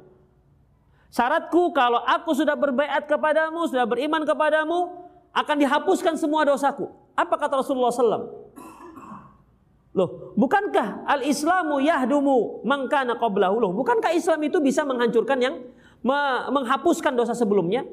Al-Hajj juga seperti itu, hijrah juga seperti itu. Hijrah itu bisa menghapuskan dosa sebelumnya. Haji juga bisa menghapuskan dosa sebelumnya. Kemudian ya Amr bin As pun berbaiat. Setelah itu semakin dalam cinta beliau. Eh Hafidin semakin dalamnya apa kata beliau? Sampai aku tak sanggup melihat wajah Rasulullah. Sangkin mulianya. Seandainya ada yang bertanya bagaimana wajah Rasulullah, tidak sanggup aku melukiskannya. Kenapa? Gak berani ku pandang wajah beliau. Sangkin hormatnya. Jadi cinta itu. Cinta yang sangat dalam dibarengkan kehormatan yang luar biasa. Itulah yang ada pada dada di diri yang dirasakan oleh Amr bin As. Seandainya orang menyuruh aku, gimana sih wajah Rasulullah? Tak sanggup aku lukiskan. Kenapa? Aku nggak pernah melihat wajah beliau, sangkin, sangkin kagumnya, sangkin mulianya, terhormatnya. Kalau kita kan kalau mencintai orang kan masih lihat wajahnya, ya kan? Sejuk kita lihat wajahnya, begitu kan? Itu belum sampai seperti yang ini, Ikhwanuddin. Ini sudah sampai nggak sanggup melihat mata beliau, nggak sanggup melihat wajah beliau. Bukan karena bosan ya, bukan karena benci. Ada seorang ustadz Ditanya, Ustadz gimana cara agar dapat jodoh cepat? Yang penting, pertama ya dia akhlaknya bagus. Dan wajahnya ya sudah, yang penting kalian gak muntah, udah terima aja. Begitu. Artinya apa ikhwafiddin? Artinya ada yang kita memang gak suka dengan wajah seorang. Dia nggak ada salah memang, dia nggak ada salah. Tapi yang namanya kecintaan itu nggak bisa di, dipungkiri. Kita nggak suka dengan wajah seperti itu. Itu ikhwatiddin rahimani Allah wa iyyakum. Ya. Ada yang kita cintai. Kalau sudah kita cintai, artinya tak bosan-bosan wajahmu kupandang. Kan begitu kan? Ya. Tak bosan-bosan memandang wajahnya. Tapi ini cinta yang sudah level sangat tinggi. Tak berani, sampai tak berani memandang wajahnya. Itu ikhwatiddin. Itulah Ammar bin As yang melalui tiga tahapan. Kemudian Mu'ad bin Jamuh dan Mu'ad bin Afra Ketika perang Badar, dia mengungkapkan cintanya kepada Rasulullah SAW. Ketika perang Badar, dua dua orang anak muda ini, Muad, Muad dua Muad, satu Muad bin Jamuh, satu Muad bin Afro. Dia mereka berdua mendekati Abdurrahman bin Auf. Ya Ammi, hai paman. Mana yang Abu Jahal itu? Gitu. Mana yang Abu Jahal? Emang kenapa Abu Jahal? Orang ini telah telah berani-berani lancang kepada Rasulullah. Dia telah menjiksa, dia telah mencela habis-habis Rasulullah. Oh gitu, mana dia orangnya? Jadi marahnya itu gara-gara Abu Jahal itu mencaci maki Rasulullah. Mana yang namanya Abu Jahal? Tuh. Begitu tengok itu, lompat mereka. Diserang mereka, mati Abu Jahal di, di, di dua tangan anak muda ini. Itulah ikhafid, cara mencintai Rasulullah SAW. Gak tega ikhwafiddin. Coba, kalau kita mencintai istri kita, kemudian ada yang mengatakan, eh istri kau pelacur. Bisa kita tahan itu? Bisa. Sabar. Sabar. Gimana sabar? Tempari dia. Itu orang yang kita cintai. Kalau sanggup maksudnya, kalau enggak ya sabar lah. Ya kan kadang-kadang ada juga kita itu marah bisa kita lampiaskan. Tapi mau kita lampiaskan gede orangnya. Kita tampar dia mungkin nggak bekas, dia nampar kita bisa bisa tumbang kau. Jadi itu sabarnya terpaksa sabar lah kan. Tapi kalau kita bisa, bisa mengingatkan orang ini, bisa kita marahi orang ini, saya yakin kita lakukan. Kenapa? Itu istriku, dan macam-macam kau. Artinya pembelaan kita terhadap orang yang kita cintai. Kalau ada orang yang menghina orang tua kita, bisa kita berpangku tangan. Oh, udah sabar aja, nggak masalah itu. Bisa begitu? Ya nggak bisa. Pasti kita akan bela orang tua kita. Kalau ada yang nggak bela, berarti dia emang nggak sayangan orang tuanya. Itu orang tuamu caci maki itu, biarin aja, emang cocoknya itu. Berarti emang nggak cinta dengan orang tuanya. Ini orang yang paling mereka cintai. Makanya sangat geram mereka terhadap orang-orang yang menyerca, mencaci maki Rasulullah Sallallahu Alaihi Wasallam. Kemudian ikhafidin wa iyyakum. Ada kisah dari seorang laki-laki dari Ansor. Ya, dia menceritakan tentang nangisnya dia, sedihnya dia. Jadi begini Khafiddin, dia ini sangat mencintai Rasulullah Sallallahu Alaihi Wasallam, cinta luar biasa. Jadi ketika melihat Rasulullah nangis jadi-jadinya. Kata Rasulullah, "Kenapa kamu menangis?" Ya Rasulullah, sekarang kita masih bisa bertemu. Kalau nanti aku meninggal dan Anda meninggal, Anda tempatnya di mana? Saya tempatnya di mana? Kita nggak temu lagi ya Rasulullah. Begitu. Ya Rasulullah tentu tempatnya di tempat yang tertinggi. Jadi sahabat ini sampai sampai sejauh itu memikirkannya. Ya Rasulullah, kapan lagi kita bisa bertemu ketika aku meninggal dan Anda meninggal? Apa kita bisa jumpa lagi nanti di surga? Anda tempatnya di mana terlalu tinggi, sementara aku di mana tempatku? Kemudian Khafidin menangis sahabat sejadi-jadinya. Ya, saya kira nggak ada lah kita seperti ini. Ketemu, ketemu aja enggak kan?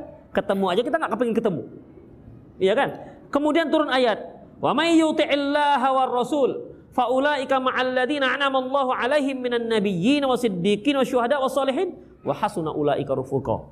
Barang siapa yang mentaati Allah dan Rasulnya maka mereka bersama orang-orang yang diberi nikmat oleh Allah dari kalangan para nabi, dari para siddiq, dari kalangan syuhada dan orang dan orang soleh, fahasuna ulaika rafiqa, itulah teman-teman yang terbaik mereka. Jadi kalau mau berteman, kalau mau kita itu apa namanya? Bersama Rasulullah nanti di surga.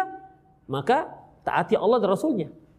Itu caranya ikhwafiddin senang sahabatnya tadi. Kenapa? Ada kemungkinan untuk ketemu kembali. Nah kita baca lagi kisah Bilal. Bilalnya lebih lebih tragis lagi ikhwafiddin kisah Bilal ini ikhwafiddin yaitu setelah Rasulullah SAW meninggal Bilal itu nggak sanggup lagi adzan. Bukan karena suaranya sudah serak Bukan karena sudah tua. Karena apa? Setiap kali dia membaca Asyhadu anna Muhammad Rasulullah itu nangis sampai tak bisa melanjutkan adzan lagi. Menangisnya sampai tak sanggup lagi melanjutkan adzan. Jadi beliau katakan di sini ya Khofiddin, lam utiku an fil Madinah ba'da wafati Rasulullah sallam. Sejak wafat Rasulullah aku tak sanggup tinggal lagi di Madinah. Kenapa? Teringat bagaimana memori yang sangat indah bersama Rasulullah Sallallahu Alaihi Wasallam. Orang yang sangat beliau cintai. Setiap kil, setiap kali beliau mengumandangkan adzan sampai asyhadu anna Muhammad Rasulullah tak sanggup lagi melanjutkan. Akhirnya udah tinggalkan Madinah. Jadi bukan dikarenakan nggak punya kapelingan tanah dia di situ, ada tanahnya. Bukan bukan susah jualan di sini. Cari tempat lain di Syam. Enggak karena tidak sanggup ya berpisah dengan Rasulullah SAW. Rasulullah wafat, nggak bisa lagi Khafiddin. Inna kamayitun wa innahum lamayitun. Ya Muhammad kamu itu bakal meninggal.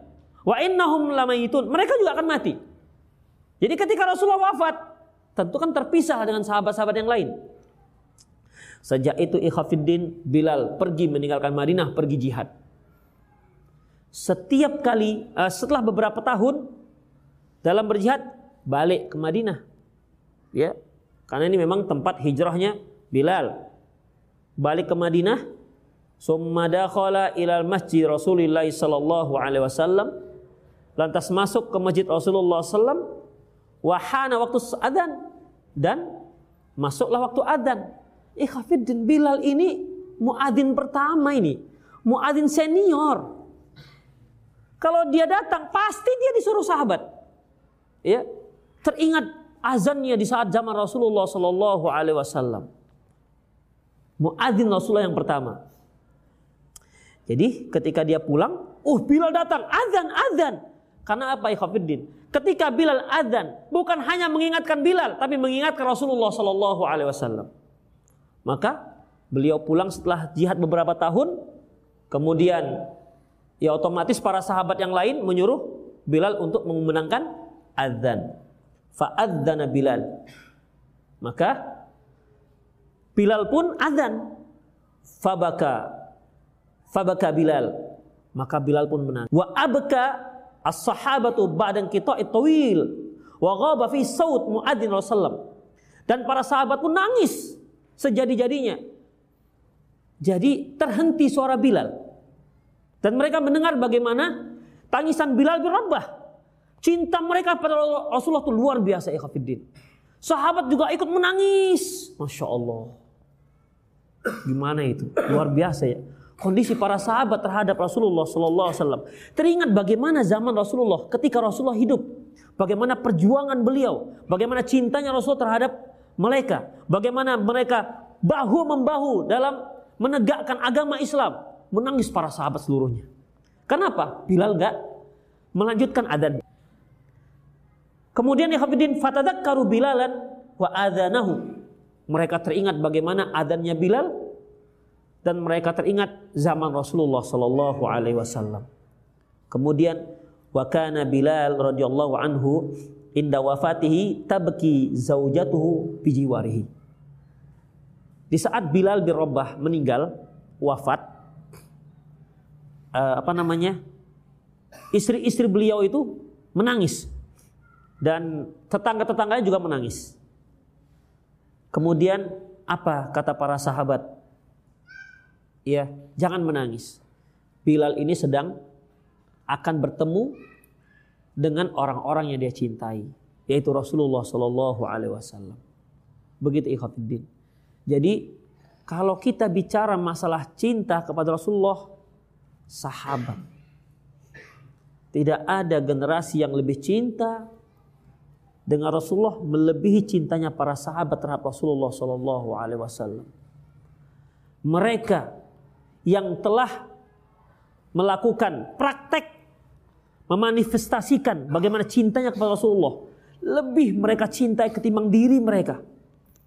Bagaimana ketika perang Uhud, ketika Rasulullah Sallallahu Alaihi Wasallam dikeroyok, maka sahabat memberikan punggungnya kepada orang-orang musyrik sehingga supaya apa ya Hafidin? Supaya anak panah tidak ada satupun yang terkena Rasulullah biar kena punggung mereka. Mereka tak rela sedikit pun duri satu duri pun yang mengena Rasulullah SAW. Begitu hebatnya. Jadi kalau ada orang sekarang mengatakan melakukan cintanya kepada Rasulullah SAW tapi dengan cara yang tak pernah dilakukan oleh para sahabat itu cinta omong kosong. Cinta omong kosong itu. Cinta yang salah. Cinta yang salah kaprah. Kita lihat lagi Ikhwanuddin. Itu sahabat. Kita lihat para ulama. Ya, bagaimana para ulama.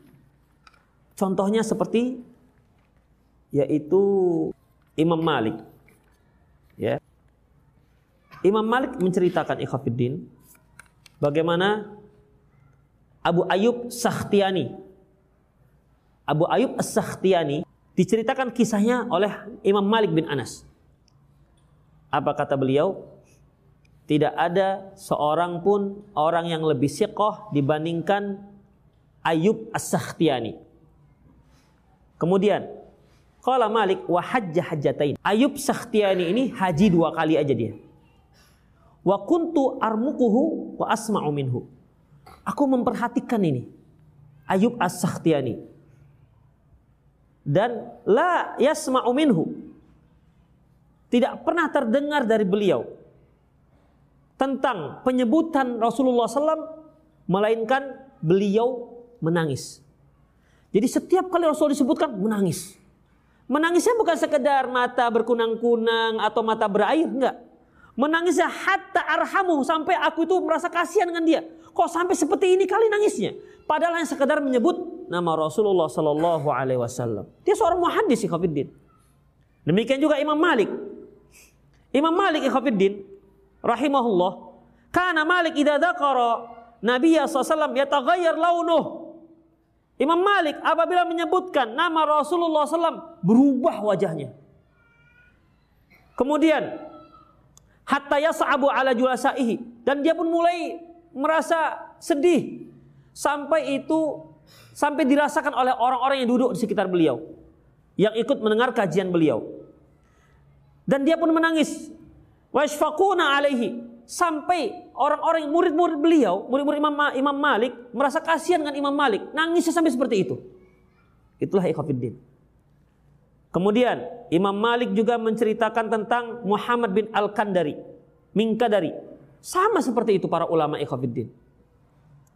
Hasan Al-Basri juga sama seperti itu. Malah Hasan Al-Basri mengatakan ikhwafiddin, kelewatlah ini bahasa kitanya, kelewatlah kalau ada orang nggak mencintai Rasulullah. Sementara benda-benda padat, benda-benda mati mencintai Rasulullah. Saya ulangi, kelewat sekali. Itulah bahasa mudahnya. Kelewat sekali kalau ada orang nggak mencintai Rasulullah. Sementara benda mati saja mencintai Rasulullah. Beliau menyebutkan beberapa hadis di antaranya ketika Rasulullah Shallallahu Alaihi Wasallam berada di Gunung Uhud. Apa kata Rasulullah? Uhudun nuhibbuhu wa yuhibbuna. Uhud mencintai kita dan kita mencintai dia. Pernah satu kali beliau Abu Bakar, Umar dan Utsman berada di Bukit Uhud, bergetar Gunung Uhud. Lantas Rasulullah menghentakkan kakinya. Ihsa ya Uhud, tenang ya Uhud. Fa inna alaikan nabi. Di atasmu ada seorang nabi. Wasiddiq, seorang siddiq. Wasyahidan, dan dua orang yang akan mati syahid. Waktu itu Umar kan belum apa-apa, ikhwafiddin, belum jadi khalifah. Pada zaman beliau. Utsman belum jadi khalifah. Ini juga menunjukkan betapa Rasulullah itu punya mukjizat yaitu mengetahui apa yang akan terjadi dan itu pun Allah Subhanahu wa taala yang memberitahukannya. Tenang ya Uhud, di atasmu ada seorang nabi, ada seorang siddiq dan dua orang yang akan mati syahid. Tenang gunung Uhud. Kisah kedua. Rasulullah sebelum dibuatkan mimbar ikhwafiddin itu apa namanya?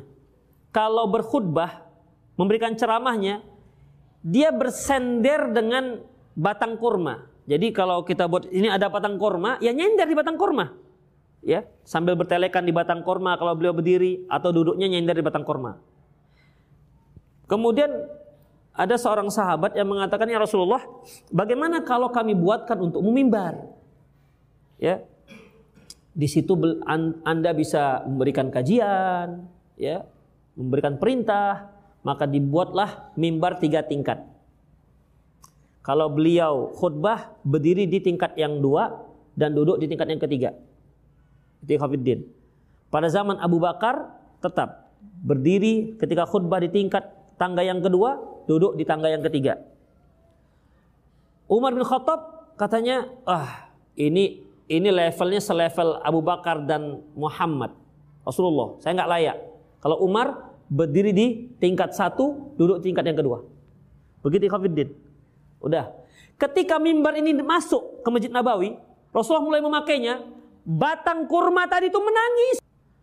Bukan hanya Rasulullah yang mendengarnya, sahabat semua mendengar batang kurma menangis. Kenapa? Rasulullah nggak lagi bersender ke dia. Rasulullah tidak lagi ber, bertelekan di situ. Rasulullah turun dari mimbar, dipeluknya batang kurma. Sampai tangisan batang kurma itu diam. Rendah. Bayangkan, Makanya kurang ajar kada orang yang cinta dengan Rasulullah SAW. Benda-benda mati saja cinta dengan Rasulullah SAW. Tidak ingin berpisah dengan Rasulullah Sallallahu Alaihi Wasallam. Kemudian ikhafiddin, ah terlalu banyaklah kisah-kisah para salafus soleh tentang masalah cinta kepada Rasulullah SAW. Kemudian yang terpenting bagi kita ikhafiddin, yaitu bagaimana tanda kita cinta kepada Rasulullah tanda kita cinta kepada Rasulullah ikhafiddin yaitu pertama dan ini yang paling utama mengikuti sunnah Rasulullah Sallallahu Alaihi Wasallam. Kalau ada orang yang menyatakan dia cinta kepada Rasulullah tapi tak menghidupkan sunnah Rasulullah itu cinta palsu. Kalau ada orang yang mengatakan cinta pada Rasulullah tidak mengikuti sunnah Rasulullah tak menghidupkan sunnah Rasulullah pada dirinya, pada keluarganya, pada masyarakatnya. Itu cinta palsu ikhafiddin. Keliru cintanya, nggak seperti itu. Barang siapa yang ingin mengungkapkan cintanya kepada Rasulullah, tapi dengan tidak ada sunnahnya dari Rasulullah, itu pembohong. Makanya hari ini banyak yang mengungkapkan cintanya kepada Rasulullah, tapi dengan cara yang tidak ada sunnahnya dari Rasulullah Sallallahu Alaihi Wasallam. Sangat disayangkan ikhafiddin dan banyak pembela-pembelanya pula. Seperti apa? Maulid Nabi. Ini kita ini bukan dalam rangka Maulid Nabi, Khafiddin. Karena tanggal merah. Iya, bertepatan Maulid Nabi. Maka dari tadi kan nggak ada panitia dalam rangka Maulid Nabi nggak ada kan? Kalau dia Maulid Nabi, ulang saya langsung. Itu Khafiddin. Tidak seperti itu. Rasulullah Sallallahu Alaihi Wasallam hidup bersama para sahabat 23 tahun. Karena beliau diutus usia 40, meninggal 63. Selama 23 tahun, 13 tahun di Mekah, 10 tahun di Madinah, tak pernah beliau melakukan ini. Kemudian, lihat bagaimana orang yang mencintai beliau. Sebagaimana kita katakan tadi, tidak ada generasi yang lebih cinta kepada beliau melebihi generasi para sahabat. Pada zaman Abu Bakar, ada enggak? Tak ada. Pada zaman Umar, ada tak? Tak ada. Pada zaman Utsman tak ada. Pada zaman Ali bin Abi Thalib tak ada. Pada zaman sahabat-sahabat lain tak ada juga. Kita lihat Imam Malik bin Anas. Imam Malik bin Anas Ikhafiddin, dia yang menulis kitab Muwatta. Sebelum muncul Sahih Bukhari, kitab Muwatta adalah kitab yang paling sahih setelah Kitabullah. Sebelum ada Bukhari. Beliau ini 40 tahun menjadi imam Masjid Nabawi dan yang mengajar di Masjid Nabawi. Beliau sering dalam menyebutkan dalam kitab Muwatta bahwasanya amalan ini adalah amalan yang didapati oleh penduduk Madinah. Ini adalah amalan penduduk Madinah. Ini adalah amalan penduduk Madinah. Tapi tak satu pun menyebutkan tentang maulid. Tandanya memang nggak ada. 40 tahun.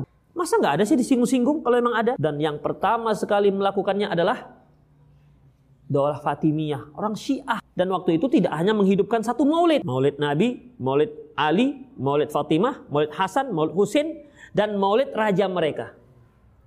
Itu Khafiddin. Dan waktu itu kan Islam sudah dekat ke Eropa ya sudah dekat ke Eropa. Orang Eropa kan orang Kristen. Mereka melakukan memperingati Maulid. Maulid Nabi Isa Al-Masih. Makanya ada yang disebut dengan Natal. Mereka ingin kita punya juga dong Maulid ya, ya.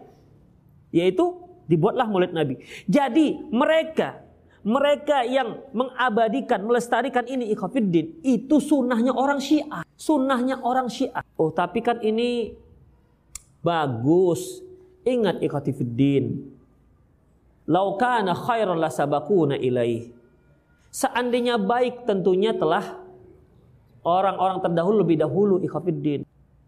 Tetapi kan ini sama seperti beras.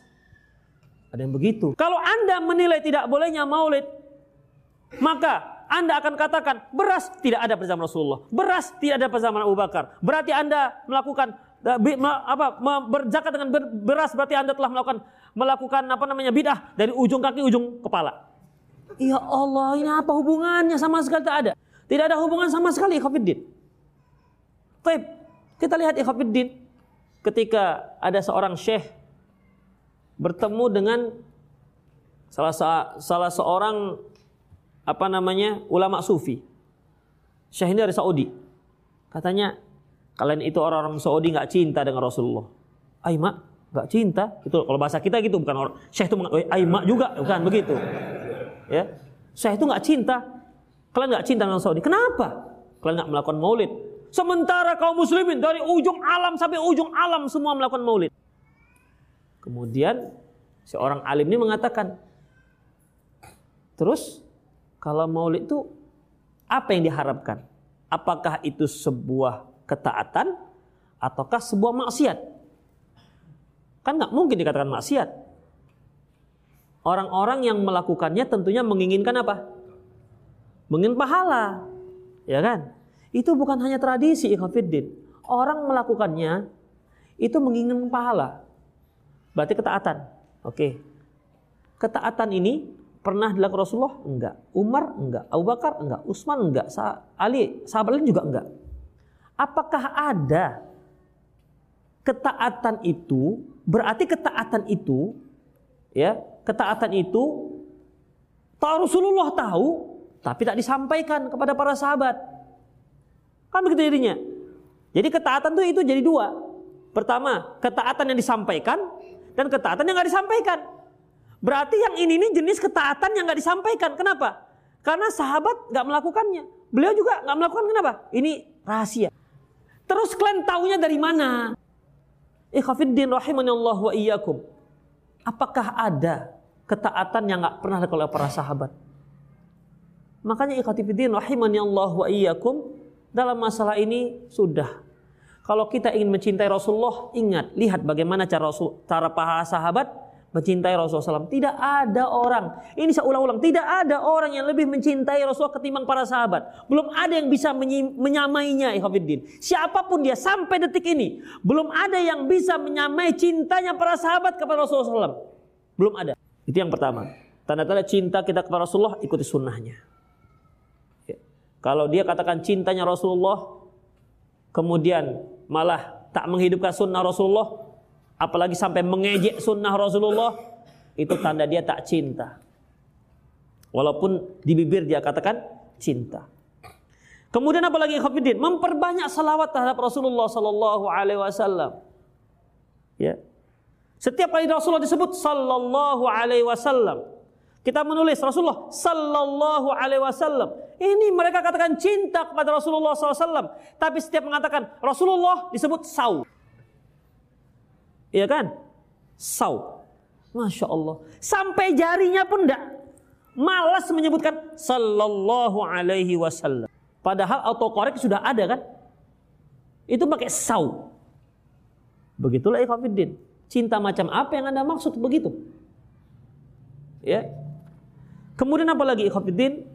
Yaitu berharap untuk bertemu dengan Rasulullah sallallahu alaihi wasallam sebagaimana kisah Bilal. Kemudian apalagi hafidh yang keempat yaitu mahabbatul kitab alladhi anzala unzila alaihi walladhi ballaghahu li ummatihi.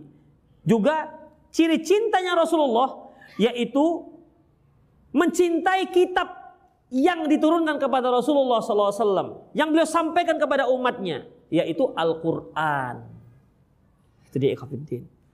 Kalau kita ikhafiddin mendapat surat dari orang yang kita cintai. Pastilah surat ini akan kita baca berulang-ulang. Ya kan? Kalau dulu sebelum ada WhatsApp, itu kan kalau pacaran kirim surat, surat ya kan dari teman pena ya, sahabat pena dulu kan, ingat kan? Kalau cuma ingat berarti antum masih 15 tahun ke bawah. Sahabat pena sampai kepada kita surat pacar. Masya Allah. Padahal tulisannya itu tak berubah. Itu-itu saja tapi itu surat bisa remuk redam. Dibaca. Dilipat. Sampai lipatan ini mau koyak udah. Kan lipat masuk. Buka lagi. Lipat lagi. Dan lipatannya sampai membuat koyak. Ya kan mbak ya kan? Tadi angguk-angguk dia.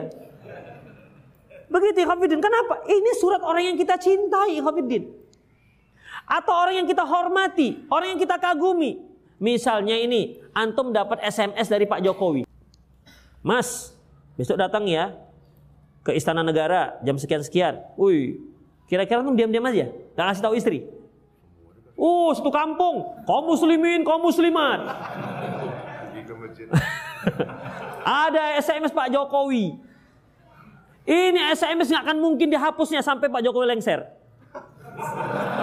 Pasti Hafidin. Iya, tuh Pak Jokowi. Tahu. Jokowi. Antum ada nggak? Mana ada? Jokowi. Itu masih Jokowi, Khofiddin. Bangganya luar biasa. Cintanya luar biasa, Khofiddin. Mungkin kalau ganti Android pun kalau bisa chattingannya dibalikkan lagi. Bisa nggak ini Pak? Ini yang chattingan ini jangan dihapus. Kalau ganti Android misalnya. Sampai seperti itu. Itu masih orang yang seberapa ya masih pimpinan negara. Ini yang sampai kepada kita surat dari Allah Subhanahu wa taala. Kalau sampainya kita lebih lebih banyak waktu kita membaca HP ketimbang membaca Al-Qur'an, Masya Allah. Makanya ketika seorang syekh ditanya, "Syekh, gimana kedekatan kaum muslimin dahulu para sahabat, para salafus soleh dengan Al-Qur'an?" Jawabannya singkat, "Seperti kedekatan kalian dengan HP sekarang." Itu dia. Kan kita HP itu pas lampu merah aja kita kepingin buka kan? Masih ada tiga menit lagi, iya kan? Iya sama kita. Begitu, apalagi ada getar, ter, ya ada masuk. Begitu, padahal tinggal lima, lima detik lagi, sempat-sempatkan. Begitu ikhwafiddin. Taib, kalau Al-Quran kita sempat-sempatkan gitu pernah nggak? Tak pernah. Kapan sempat? Kan kita sempat-sempatkan, kapan sempat? Dan jarang sempatnya pula lah dia. Makanya ciri cintanya Rasulullah cinta dengan kitab yang diturunkan Rasulullah SAW. Kitab yang diturunkan Allah Subhanahu Wa Taala kepada beliau. Kemudian apa saja yang membuat kita supaya bisa cinta kepada Rasulullah? Nah, ini juga perlu. Yang pertama ikhafidin ta'zimu mahabbatullah taala. Kita harus besarkan cinta kita kepada Allah Subhanahu wa taala. Karena Allah mengatakan, "Qul in kuntum tuhibbunallah fattabi'uni yuhibbukumullah." Kalau kalian cinta kepada Allah, ikuti aku. Niscaya kalian cinta dicintai oleh Allah Subhanahu wa taala. Kemudian apalagi ikhwatiddin? Membaca sirah Rasulullah, baca sejarah beliau, bagaimana perjuangan beliau, bagaimana kecintaan beliau kepada umat, bagaimana susahnya beliau memperjuangkan Islam ini. Bagaimana para sahabat dengan cintanya kepada beliau, bagaimana beliau para sahabat membela Rasulullah SAW. Pergi dari Mekah, hijrah ke Madinah, ditinggalkan seluruh harta benda di Mekah, dirampas oleh orang penduduk Mekah. Tak masalah, asalkan mereka bisa hijrah ke Madinah. Sampai seperti itu, Ikhwanuddin. Sirah itu Masya Allah. Walaupun terkadang, bukan terkadang, sering kita baca, aduh sepertinya ini suatu hal yang gak mungkin kalau sekarang. Ya kan? Sering kita baca, apa namanya sirah para sahabat, para para ulama-ulama kita dahulu. Ini kok seperti sekarang itu seperti mimpi. Padahal itu terjadi pada zaman beliau. Terjadi Khofiddin. Tapi kalau kita lihat untuk zaman sekarang, ini sepertinya kisahnya kisah nggak masuk akal. Cinta seperti itu nggak masuk akal Khofiddin. Padahal itu wake realita pada zaman beliau dan pada zaman para sahabat. Kemudian Ikhafiddin apalagi yaitu kita harus tanamkan bahwasanya besarnya pahala orang-orang yang mencintai Rasulullah SAW. Ya, Oh, kalau begitu Ustadz cintanya tidak ikhlas karena mengharapkan pahala. Orang yang beramal mengharapkan pahala itu tetap dikategorikan ikhlas. Orang yang beramal mengharapkan surga tetap dalam kategori ikhlas. Kenapa? Karena surga dan pahala itu dari Allah Subhanahu wa taala. Yang dikatakan nggak ikhlas kalau kita harapkan dari dari manusia, pujian, sanjungan. Kemudian apalagi ikhwafiddin? yaitu ta'zimu sunnah nabi nabawiyah. Mengagungkan sunnah Rasulullah Sallallahu Alaihi Wasallam. Jangan anggap sepele. Ya. Jangan jangan satu pun sunnah Rasulullah kita jadikan alat olok-olok. Kita tahu jenggot ada sunnahnya dan ada hadis yang jelas. Jangan sekali-sekali mengolok-olok sunnah beliau. Ya jenggot. Apakah itu jenggot tahukah kalian apa itu jenggot ada saja bahan mereka untuk mengolok-olok jenggot. Kalau saya lihat kamu, teringat anjing apa? Teringat kambing saya yang sudah meninggal. Karena kambing saya berjenggot. Ini satu mengolok-olok ikhwatiddin. Ya. Saya khawatir ini bisa jadi murtad. Bisa kufur. Kalau dia tahu ini sunnah Rasulullah, namun dia dia olok-olok. Jangan ada satupun sunnah beliau yang kita perolok-olok. Itu dia. Misalnya apalagi ikhafiddin yang mungkin jadi bahan kemungkinan perolok-olok yaitu habis makan jilat tangan. Ya, kan beliau katakan Idza akala ahadukum fala yatamassah yadahu bil mindil. Apabila salah seorang kalian makan, jangan dia usap tangannya dengan serbet. Hatta yal'akuha aw yul'ikuha. Sampai dia jilat tangannya atau dia minta jilatkan ke orang lain. Ustaz, kami makannya dengan para direksi. Masa habis makan pak pok pak pok pak pok. Ya jangan lebay kali ya pak pok jangan begitulah. Gitu ikhafidin. Ya. Artinya kan yang yang kita gunakan untuk makan saja. Makanya makan pun jangan begini makan. Nanti jilatnya apa? Begini lah jilatnya. Iya, yang sopan sedikit lah dah. Begitu. Begitu. Jadi bisa dijilat. Hmm. Sopan juga jilatnya. Jangan habisnya. Itu ikhwafiddin. Ya. Sama seperti ketika melaksanakan sunnah apa? Turun. Kalau kita turun ke sujud, itu lutut dahulu apa? Tangan dulu. Itu kan ada yang kelewat. Jadi kalau turun seperti ada yang jatuh, duduk duduk duduk. Kenapa? Jatuhkan badan, duduk. Begitu. Pelan-pelan aja jatuhkannya. Itu ikhwafiddin. Jadi ini sunnah-sunnah. Kalau dahulu masih ingat lagi kita ikhafiddin. Kalau walimah hidang ya kan hidang. Kemudian berubah menjadi lebih modern. Kita sebut hidangan Prancis kan gitu. Sekarang kan namanya prasmanan berubah. Dulu namanya hidangan Prancis. Makanya nggak bisa nambuh. Nggak bisa nambah. Kalau dia berhidang kan bisa nambah nasi, bisa nambah lauk. Kadang-kadang nasi sedikit, lauknya yang banyak kan seperti itu. Nanti kurang nambah lagi, dihidang namanya.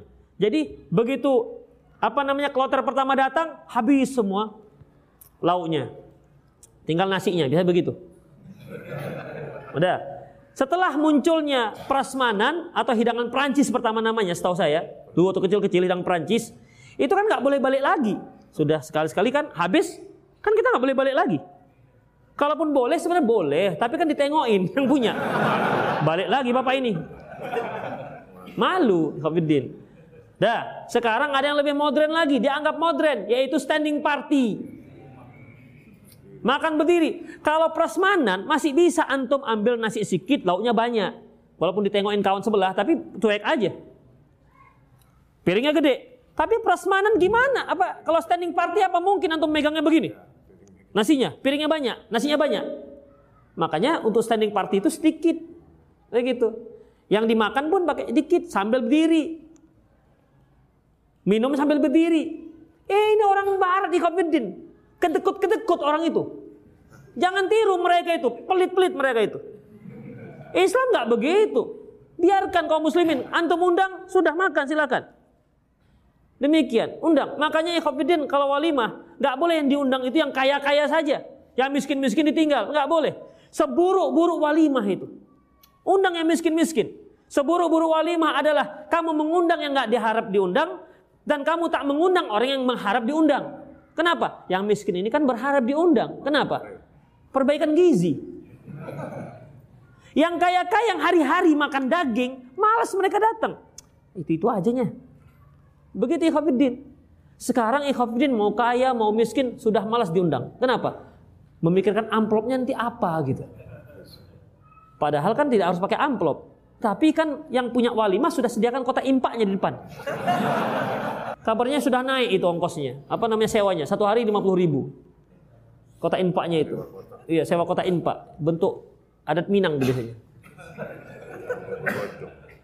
Itu Ikhwafiddin. Jadi begitulah. Oleh karena itu hidupi sunnah Rasulullah SAW. Ya, hidupkan sunnah Rasulullah SAW. Masya Allah kalau jenggot sekarang sudah oke, okay, Masya Allah sudah sangat apa namanya sudah sangat familiar. Cingkrang juga sudah sangat familiar. Maka hidupkan sunnah yang lain. Banyak hal yang perlu kita kita hidupkan. Kemudian apalagi ikhwafiddin mencintai orang yang mencintai sunnah Rasulullah Sallallahu Alaihi Wasallam. Jangan dibenci, ya. Jangan dibenci. Yang terakhir ikhwafiddin mencintai Rasulullah SAW itu tidak boleh berlebihan. Ya, apa kata Rasulullah SAW? La tatruni kama atratin nasara Isa bin Maryam. Janganlah kalian menyanjung-nyanjungku sebagaimana Isa bin Maryam disanjung-sanjung oleh orang-orang Nasrani. Karena ikhafiddin, orang-orang Nasrani itu sampai-sampai mereka menyanjung ya, menyanjung nabinya sampai diangkat derajatnya menjadi Tuhan. Itulah dia. Makanya cinta kepada Rasulullah bainal jafa wal gulu. Gulu ini di antara berlebihan dan yang tak peduli. Orang yang berlebihan ini Khofiddin dalam dalam melaksanakan cintanya kepada Rasulullah, mengaplikasikan cinta kepada Rasulullah, ini dalam melaksanakan sunnah juga akan berlebihan. Contohnya ketika tiga orang datang kepada Rasulullah Sallallahu Alaihi Wasallam, eh, datang kepada Aisyah radhiyallahu anha bertanya tentang sunnah beliau. Kemudian setelah itu mereka simpulkan, amma ana Asumu wala uftir. Adapun aku, tidak aku akan apa namanya? puasa terus dan tak akan berbuka. Yang satu lagi mengatakan wa ana akumu wala anam. Wallahi aku la akumu wala anam. Aku akan sholat terus satu malam suntuk, tak akan tidur-tidur. Yang satu lagi mengatakan wa ana la atazawajun nisa. Aku tak akan menikah. Tiga orang ini niatnya baik, Ikhwafiddin. Tiga orang ini niatnya baik supaya bagaimana caranya mereka lebih dekat kepada Allah Subhanahu wa taala. Tapi orang ini sudah melewati sunnah Rasulullah.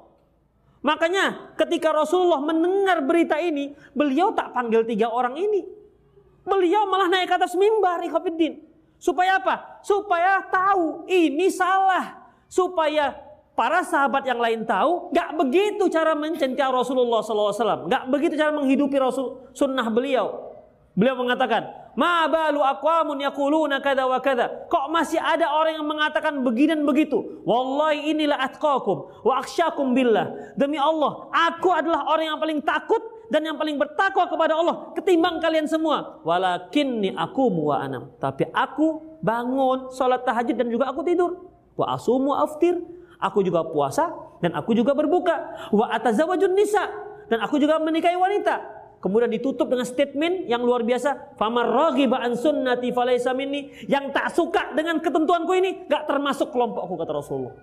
Makanya jangan hulu. Rasulullah katakan halakal mutanatti'un. Hancur celaka orang yang berlebihan.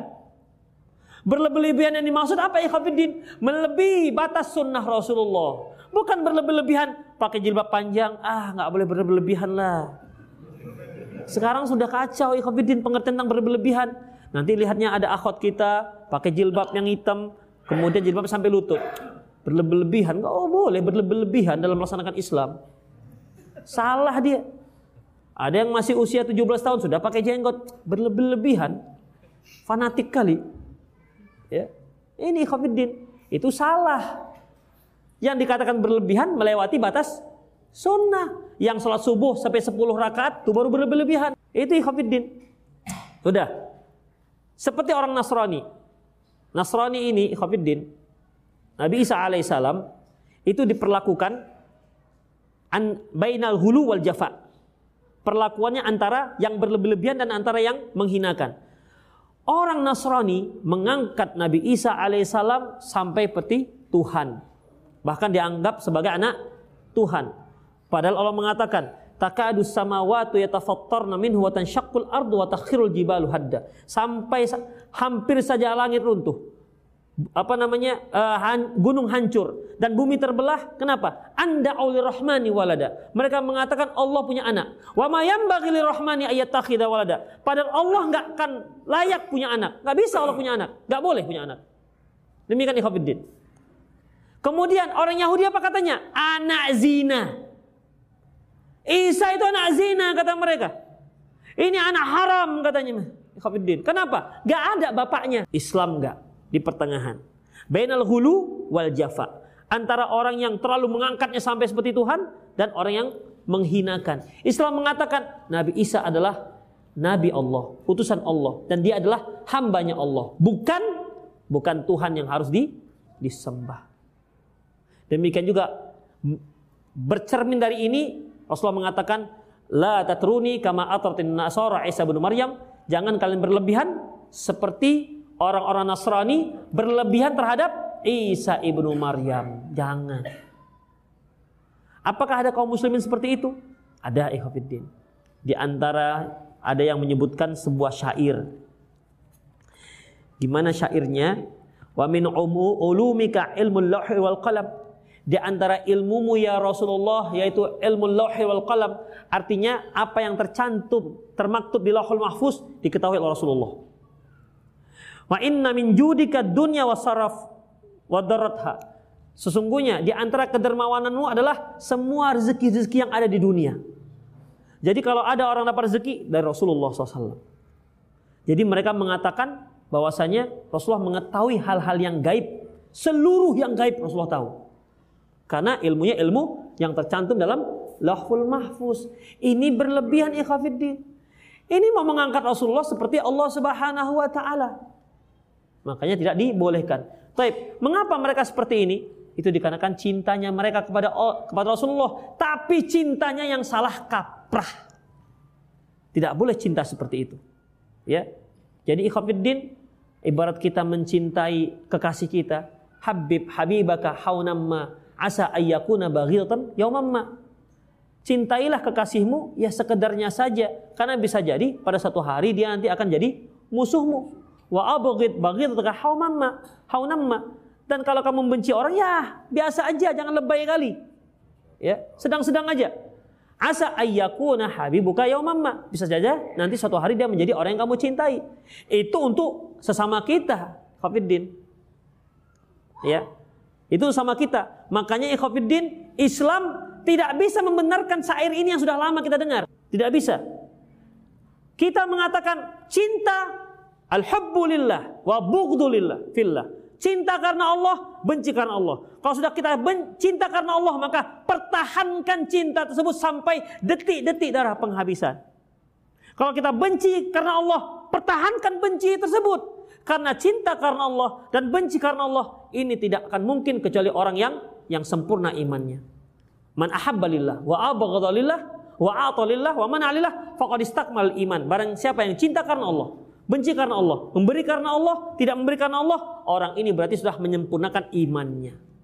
Itu khabiddin. Ya semoga Allah Subhanahu wa taala memberi kita taufik dan hidayahnya dan memberikan kita cinta yang luar biasa kepada Rasulullah sallallahu alaihi wasallam. Semoga bermanfaat. Aku lu qauli hadza wa astaghfirullah li wa muslimin innahu ghafur. Dari para istri Rasulullah yang paling beliau cintai daripada dari para cintai dan dari para sahabat siapakah yang paling cintai ya Khafidin beliau pernah menyatakan bahwasanya para sahabat yang paling beliau cintai adalah para sahabat yang paling beliau cintai adalah Abu Bakar dan dari kalangan wanita adalah anaknya yaitu Aisyah radhiyallahu anha padahal istri beliau ada berapa pada waktu itu ada berapa istri beliau Hah? Sembilan yang ada. Kalau ditambah dengan yang sudah meninggal itu jadi sebelas. Tapi yang hidup pada waktu itu yang dipakai sekali, artinya masih hidup semua, itu sembilan. Tetapi yang paling beliau cintai di antara istri-istri beliau adalah Aisyah radhiyallahu anha. Sehingga ikhwatiddin, para sahabat kalau mau memberi hadiah kepada beliau, mereka menunggu sampai giliran Aisyah. Ketika sampai gila Aisyah, itu para sahabat datang berkunjung, datang memberi makanan. Kenapa? Pada waktu itu beliau sedang berada pada giliran istri yang beliau cintai. Ini juga menunjukkan bahwasanya untuk adil dalam masalah cinta tidak bisa. Siapa pun dia ikhwatiddin. Hatta Rasulullah SAW sendiri. Hatta kita sendiri tidak bisa. Adil dalam masalah cinta. Kita punya anak lima. Coba perhatikan, sama nggak cinta kita dengan anak-anak yang lima-lima ini? Pasti nggak, pasti berbeda. Bagaimana ikhafidin bisa sama? Yang satu bandelnya luar biasa ikut maknya, yang satu solehnya luar biasa ikut ikut kita. Misal, misalnya ini, kan bisa begitu. ini bandel kan yang mamanya ini. Nah ini soleh ini, bapaknya. Nah, demikian ikhafidin. Setiap kali dikasih dia disuruh, ya mak, ya pak. Rat, yang satu disuruh, Lari ke mana muter-muter dulu dia. Baru datang. Demikian. Otomatis sayangnya kita pada anak yang yang taat. Apalagi pintar pula. Ini sudah bandel, kerengkang, bodoh lagi. Lengkap. Padahal sama-sama anak-anak kita ikhwafiddin. Ya, tetap nggak bisa. Jadi kalau antum punya istri lebih daripada satu, itu nggak akan bisa adil dalam masalah kasih sayang. Dalam fikih fikih ta'addud yang ditulis oleh Syekh Mustafa Al-Adawi, fikih ta'addud zauzat yaitu fikih poligami, bahkan karena cinta itu tak bisa disamakan dengan para istri, tak bisa sama, maka terkait dengan juga dengan masalah hubungan intim, nggak bisa sama. Kenapa? Hubungan intim itu terkait dengan masalah mood nggak moodnya. Begitu Khafiddin. Inilah yang disebut Rasulullah SAW. Allahumma la tu'akhidni bima bima amlik bima la amliku Allahumma la tu'akhidni bima tamliku wala amliku. Ya Allah, janganlah engkau hukum aku dengan apa yang engkau miliki. Bukan aku yang memiliki. Maksudnya masalah hati. Inilah yang disebut Allah Subhanahu wa taala lan tastati'u an ta'dilu bainan nisa'i walau harastum. Kalian enggak akan sanggup bersikap adil kepada istri-istri kalian walaupun kalian sudah berupaya dan berupaya dan berusaha. Ini maksudnya masalah cinta. Itu dia. Makanya istri yang paling beliau cintai adalah Aisyah yang hidup. Tapi secara keseluruhan siapa yang paling beliau cintai? Khadijah. Sampai Aisyah cemburu luar biasa dengan Khadijah. Tidak ada yang aku cemburui. Yang lebih aku cemburui selain Khadijah. Padahal sudah meninggal. Coba bayangkan ikhwafiddin. Saking cintanya Rasulullah. Itu kan cinta Rasulullah pertama itu Khadijah. Cinta pertama beliau. Kemudian perjuangan dengan Khadijah. Ketika Aisyah pernah mengatakan, Ya Rasulullah bukankah sudah ditukar Allah, digantikan Allah dengan yang lebih muda? Apa kata Rasulullah? Wallahi la. Enggak. Demi Allah enggak. Dia Allah belum gantikan dengan yang lebih baik dibandingkan dengan Khadijah. Kenapa? Dialah yang mempercayaiku di saat orang-orang mendustaiku. Dialah yang beriman kepadaku di saat orang-orang kafir kepadaku. Dialah yang membantu perjuangan ini dengan hartanya. Itu Khadijah luar biasa. Ya. Jadi Cintanya Rasulullah dengan Khadijah luar biasa ikhwatiddin. Dalamnya dengan sangat luar biasa. Makanya ya apabila seorang suami nikah lagi dengan istri kedua, belum tentu istri keduanya itu lebih cinta dibandingkan istri pertama. Gak percaya coba? Coba. Ya kalau antum nggak percaya, saya percaya. Begitu ikhwatiddin. Ya, jadi kalau akhwat-akhwat bagi yang kalau dia mungkin istri suaminya karena suatu alasan mau menikah lagi sudah. Tawakal Allah. Udah. Ya, sudah. Baguskan akhlak, belum tentu istri yang kedua lebih dicintai dibandingkan istri yang yang pertama. Itu ikhwatiddin. Apakah benar semua wanita dunia ini karakternya ada pada para istri Rasulullah SAW? Ya enggak lah ikhwatiddin. Karakter istri Rasulullah itu itu kan yang bagus. Masa ada sih karakter orang kafir misalnya yang buruk-buruk ada pada istri Rasulullah. Istri Rasulullah itu ikhafidin. Kalau mereka melakukan kemaksiatan, mereka dosanya double. Double dosanya. Sebagaimana kalau mereka berbuat, berbuat baik, pahalanya juga double. Jadi enggak. Apakah benar jodoh itu cerminan dari diri kita? Setelah menikah yang saya rasakan karakter saya dengan istri saya sangat berbeda. Enggak harus. Memang Allah mengatakan at-tayyibun lit-tayyibin wa at-tayyibat lit-tayyibun. At-tayyibun lit-tayyibin, at-tayyibat lit-tayyibin wa at-tayyibun lit-tayyibat. Laki-laki yang baik untuk perempuan yang baik, perempuan yang baik untuk laki-laki yang baik. Al-khabithatu lil-khabithin, al-khabithun lil-khabithat. Wanita yang buruk untuk laki-laki yang buruk, laki-laki yang buruk untuk perempuan yang buruk. Itu secara umum ikhwatiddin. Secara umum seperti itu. Tapi ada satu-satu yang tidak. Kalau kita katakan harus seperti itu, bagaimana kita dengan Fir'aun dengan istrinya Asia? Bagaimana dengan Nabi Lut? Seharusnya kan Nabi, seorang yang soleh, anaknya kok kafir malahan. Nuh, Nabi Allah, bahkan termasuk lima Rasul, ulul azmi, tapi ternyata anaknya kafir. Ini ikhafiddin, ini satu-satu ada yang yang berbeda. Tapi secara umum, secara umum laki-laki yang baik akan mendapatkan perempuan yang baik. Karena memang selera laki-laki baik itu ikhwatiddin perempuan yang baik. Misalnya ini, antum seorang yang sudah ngaji, sudah mengerti sunnah Rasulullah, apa bisa tertarik dengan perempuan yang jalan-jalan di mall pakai rok setengah paha? Ih, cocok kali untuk jadi istri ini. Kita dakwahi begitu. Mikir nih PR-nya banyak lagi. Bagus, masya Allah. Bodinya aduhai. Bagaikan gitar yang berantakan misalnya. Kan tidak ikhwafiddin. Makanya kan kalau antum-antum sudah ngaji ini berpapasan dengan akhwat yang pakai jilbab panjang, pasti agak grogi kan? Gimana? Iya kan? Akhwat juga begitu. Kalau berpapasan dengan antum, dia kalau nggak pakai cadar, dia akan tutup wajahnya dengan jilbabnya. Tapi kalau dia berpapasan dengan tukang beca, enggak. Perhatikanlah. Tukang grab enggak. Tapi kalau dengan antum, Kenapa? Dia tahu mangsa pasar saya dia ini. iya, pangsa pasarnya itu Ikhwanuddin. Jadi nggak sembarangan. Otomatis Ikhwanuddin ada perempuan-perempuan yang pakai bajunya juga sangat sempit, terkadang hanya seperempat seperempat dadanya terbuka, seperempat pahanya bukan seperempat paha, setengah pahanya terbuka. Kira-kira mau cari suami macam antum-antum gini? Nengok jenggot antum aja geli dia teroris abang ini. Begitu takut Ikhwanuddin. Takut. Demikian. Makanya umumnya kalau orang baik pasti yang dia cari yang baik-baik.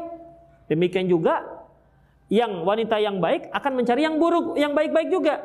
Tapi kadang-kadang ada yang salah pilih. Begitu. Rupanya nyamar abang ini misalnya begitu. nyamar rupanya. Misalnya begitu. Ya, salah salah sangka. Karena ikhwanuddin yang namanya ta'aruf, ada berita-berita, paling itu ikhafin 25% yang bisa kita tangkap. 75 persennya itu, itu tawakal pada Allah subhanahu wa ta'ala. Gimana? Kita nggak bersama dia sejak kecil. Kalau dengan kawan-kawannya mungkin dia rekomendasikan kalau oh, bagus sekali tuh mbak, masya Allah itu. Kenapa orang hari-hari traktir dia makan? Ya masya Allah lah katanya. Itu dia. Jadi ia tawakal pada Allah Subhanahu wa taala. Itu ya, ciri-ciri wanita yang mencintai Rasulullah itu apa? Ya seperti tadi ya yang kita sebutkan tadi itu sama antara laki-laki dan perempuan. Afan Ustaz, apakah boleh meminta fadilah sholat duha dalam urusan dunia, kekayaan dunia, apakah berdoa seperti itu termasuk dalam syirik besar? Eh khafiddin rahimani Allah wa iyyakum. Tidak ada dalil yang sahih bahwasanya kalau mau kaya harus sholat duha. Apalagi ada zikir Allahumma inna duha duhaka, itu kan? Ya, itu tidak ada dasar yang sahih. Jadi bagaimana? Ya sholat saja sudah. Mengapa masih ada orang yang beragama Islam namun tidak tahu ajaran Allah yang disampaikan Nabi? Primitif dan orang jahil yang mereka ketahui yang disampaikan Nabi tidak dilaksanakan sedangkan Nabi sudah menyampaikan semua. Dikarenakan apa ya Khafiddin? Dikarenakan minimnya semangat kaum muslimin belajar agama. Itu dia. Minimnya kaum muslimin belajar agama. Kalau antum buka kursus khusus bahasa Inggris dari primary apalagi setelah itu elementary. Nah, dan vocabulary. Antum itu kamus artinya. Demikian ikhwafiddin ya itu bisa jutaan keluar duit.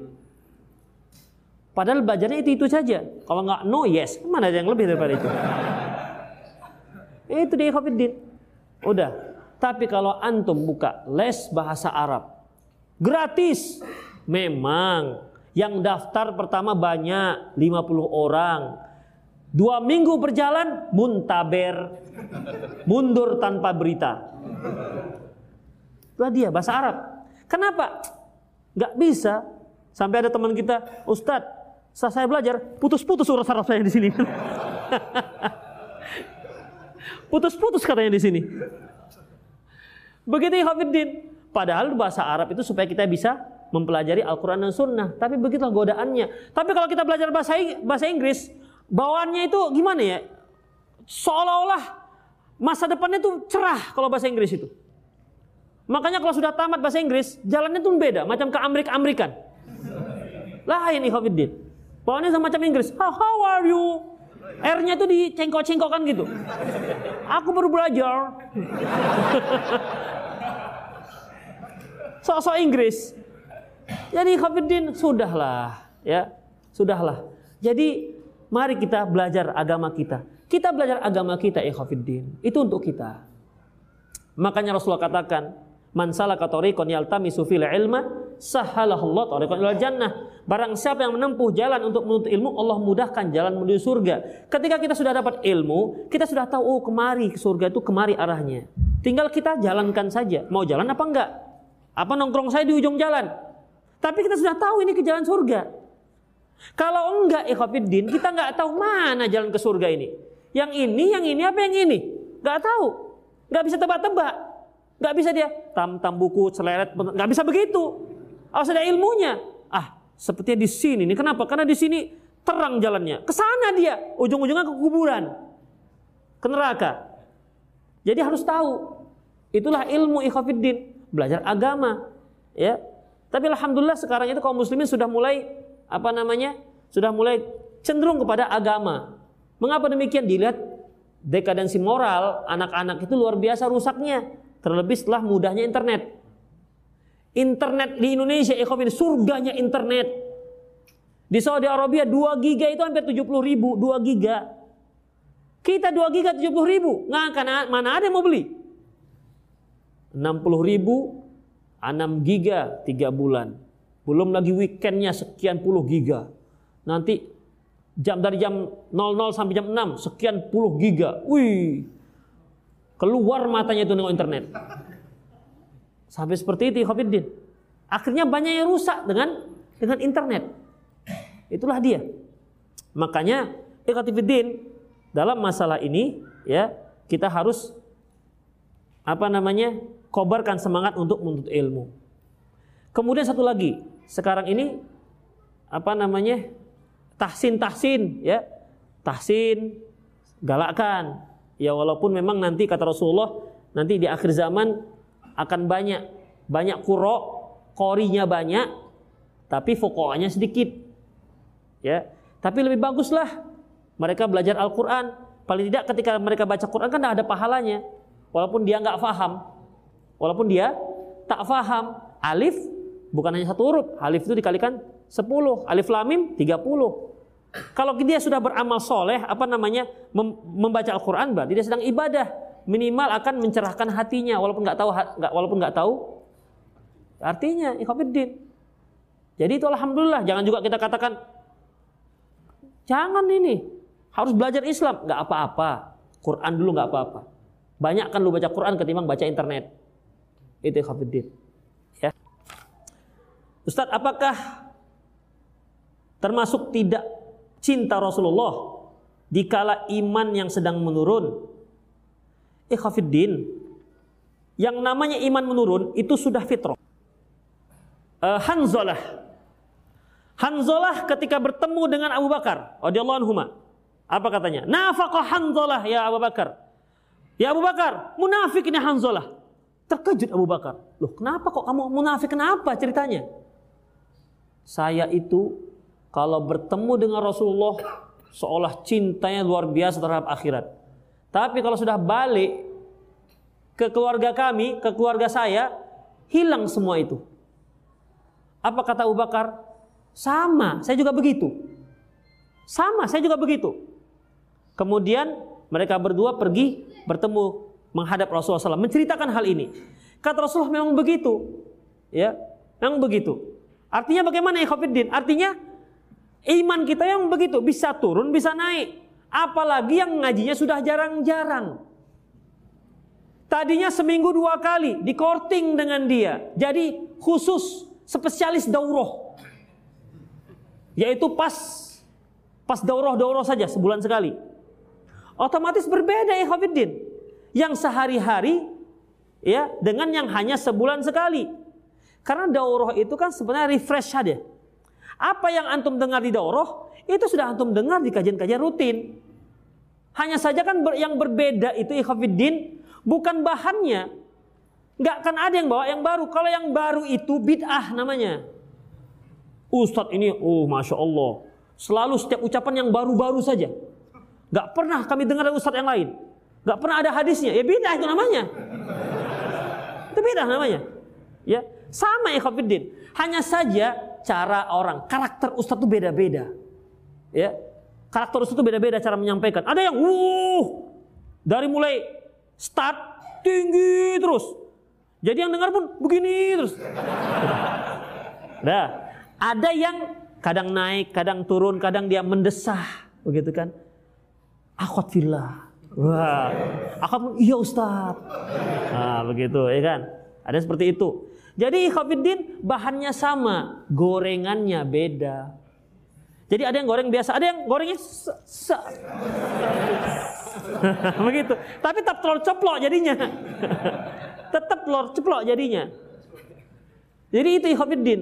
Oleh karena itu, ya Semakin sering, semakin sering, semakin sering kita mengaji, insya Allah di situ akan kita dapati ilmu yang bermanfaat, nasihat-nasihat dan satu hal yang kita dapati di, tempat yang lain apa itu? Teman-teman yang soleh dan soleha. Itu dia. Teman-teman yang soleh dan soleh. Makanya biasa yang namanya iman naik dan turun. Asalkan jangan sampai turunnya itu sampai dia jatuh pada kebidahan. Ya. Kata Rasulullah bahwasanya setiap semangat itu ada masa fatrohnya, masa tak semangatnya. Barang siapa di saat tak semangatnya dia jatuh pada bid'ah, berarti dia telah celaka. Dan barang siapa yang masih tetap di atas sunnah, maka dia telah selamat. Jadi khafiddin. Bagaimana hukumnya mendonor darah tapi diperuntukkan untuk kesehatan orang non muslim? Gak apa-apa. Ya. Ikhafiddin memberi sumbangan kepada non muslim semuanya boleh. Termasuk daging kurban, termasuk daging akikah. Infak sedekah boleh semuanya. Ya, darah juga boleh. Kecuali zakat zakat itu tak boleh. Rasulullah SAW menasihatkan memberikan wasiat kepada Muad bin Jabal, "Ya Muad, inna ta'ti qauman min ahli kitab." Ya Muad, kamu itu akan mendatangi kaum ahli kitab. Faltakun awwala ma tad'u ilahi falyakun awwala ma tad'u ilahi syahadatu an la ilaha illallah. Hendaklah yang pertama kamu dakwahi syahadat wa anna Rasulullah wa anna Muhammad Rasulullah dan Muhammad Rasulullah. Fa inhum ata'uka dzalik, apabila mereka mentaati yang ini, fa'alimhum Allah qad iftarda alaihim khamsa salawat fi, fi kulli yaumin wa lailah. Ajarkan kepada mereka bahwasanya Allah itu telah mewajibkan salat yang lima waktu. Fa'inhum atau kadzalik. Kalau mereka masih mentaatimu juga, maka fa'alimhum annallaha qad iftarada alaihim as-sadaqah. Allah wajibkan kepada mereka sedekah zakat. Tu'khadhu min aghniyaihim, diambil dari orang kaya mereka yaitu kaum muslimin, wa turaddu ila ala fuqaraim dan dibagi-bagikan kepada orang-orang fakir kaum muslimin. Jadi zakat hanya untuk kaum muslimin. Tidak diberikan kepada orang-orang kafir. Selebihnya boleh. Termasuk darah. Kecuali ikhafiddin donor anggota badan yang nggak boleh. Jangankan kepada orang kafir, kepada orang muslim pun tak boleh. Baik ketika dia meninggal, apalagi kalau masih hidup. Nggak dibolehkan. Misalnya, saya nanti kalau meninggal, mata saya untuk fulan, nggak boleh. Karena Rasulullah katakan, mematahkan tulang uh, yang mematahkan tulang mayit sama hukumnya seperti mematahkan tulang yang ketika dia masih hidup. Donor jantung nggak boleh, apalagi jual. Ya, jual. Misalnya dia ginjal ada dua, dia jual satu, dua m misalnya. Udah, ini nggak boleh haram hukumnya. Kenapa Khafiddin? Karena dia sedang merusak dirinya. Fala taqtulu anfusakum. Jangan kalian bunuh diri kalian sendiri. Tadi boleh kan? Ya. Walaqad khalaqnal insana fi ahsani taqwim. Kami telah ciptakan manusia dengan bentuk yang sebaik-baiknya. Jangan dirubah-rubah. Yang merubah-rubah ikhwatiddin itu merupakan perintah syaitan. Khalqallah. Mereka setan akan menyuruh agar merubah-rubah ciptaan Allah. Satu. Yang kedua, yang dia jual ini, yang dia jual ini itu berarti bangkai. Karena apa? Yang punya masih hidup. Kias dengan hewan.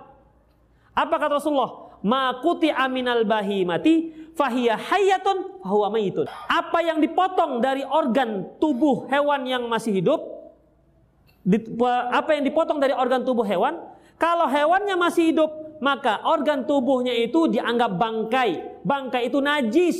Najis itu haram. Setiap yang haram, maka haram juga hasil jual belinya. Misalnya nih, antum kepingin sekali makan sop buntut. Antum punya lembu. Mau beli, mahal. Sop buntut di Mantan mahal, 58 ribu semangkok. Isinya hampir hampir tulang semua. Misalnya ini, ya. Alah, udahlah. Ketika dia merenung, nampak dia buntut lembunya. naik turun, naik turun. Udah, pikir. Potong, jahit, perban. Ya kan? Kan mati nggak?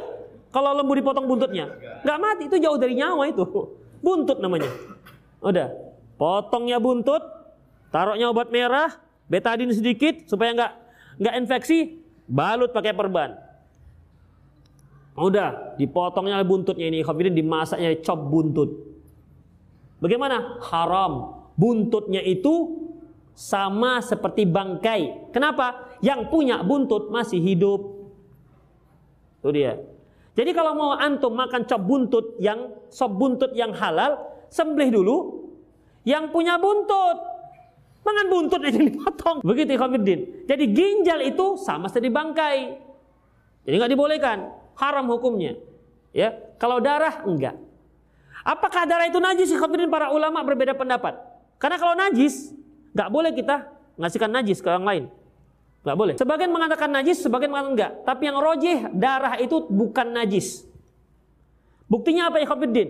Ketika seorang sahabat sedang berjaga-jaga, tiba-tiba kakinya dipanah oleh musuh dan bercucurlah tanah apa namanya darahnya. Sementara dia terus melaksanakan sholat sampai selesai. Kalau seandainya darah itu najis, dia harus berhentikan sholatnya, bersihkan dulu sampai hilang najisnya, tapi ini sahabat tetap sholat. Tandanya darah bukan bukan najis. Yang najis darah haid dan nifas. Itu khafiddin. Yang najis darah haid dan nifas. Jadi boleh kita mendonorkan darah dan orang yang mendonorkan darah itu selama tidak bermudorot. Ini sudahlah kurus, kering, cungkring, darahnya tinggal 2 liter, dikasih liter, meninggallah dia. Makanya kan orang yang donor darah itu kan ada kriterianya, ada ketentuannya, ya kan? Ada ketentuannya, ada syarat-syaratnya. Memenuhi syarat, ya donor. Kalau enggak, enggak boleh. Iya, itu PMI akan akan bertanggung jawab kalau begitu diambil darahnya. Begitu meninggal darahnya, meninggal darahnya. Begitu diambil darahnya, dia pun nggak bergerak lagi, meninggal. Pak, bangun Pak, udah selesai Pak, udah selesai. Rupanya meninggal dia. Nah itu PMI punya tanggung jawab, Ikhwafiddin. Karena ada syarat-syaratnya. Seperti wanita, Ikhwafiddin. Itu wanita kan ada haidnya segala macam. Ya, itu ada kalau di donor dia bisa pingsan. Makanya ada tekanan darahnya, dicari dulu, di, diambil darahnya sedikit, apa namanya uh, eh, HB-nya di ditentukan kalau HB-nya terlalu tinggi nggak boleh. Ya, Jadi intinya boleh donor darah. Bilang jangan banyak-banyak ya Pak diambil gitu. Ya mereka tahu juga berapa yang harus diambil. Mohon diinformasikan Ustadz pengarang dan penerbit apa yang lebih tepat kami baca kitab Syiar Rasulullah. Ada ikhafidin sudah terjemah namanya Rahikul Makhtum yang ditulis oleh Syekh Abdurrahman Mubarak Furi orang India. Dan itu pemenang penulis Sirah Nabawi yang pertama. Dia mendapat hadiah dari uh, Malikul Faisal. Itu Hafiddin Rahikul Makhtum. Ada juga Qasusul Anbiya ya. Dan itu cari yang ada yang sudah ditahkik ditulis oleh Ibnu Katsir tapi ada yang sudah ditahkik hadis-hadisnya. Demikianlah Hafiddin ya semoga bermanfaat Habiskan nggak ada yang lain? Semoga Allah Subhanahu wa taala memberi kita kekuatan, memberi kita kecintaan yang dalam terhadap Rasulullah SAW. Dan itu akan terlihat dari setiap tindak, tanduk dan sikap kita. Demikian aku qauli hadza wa astaghfirullah li wa lakum wa muslimin innahu al rahim. Assalamualaikum warahmatullahi wabarakatuh.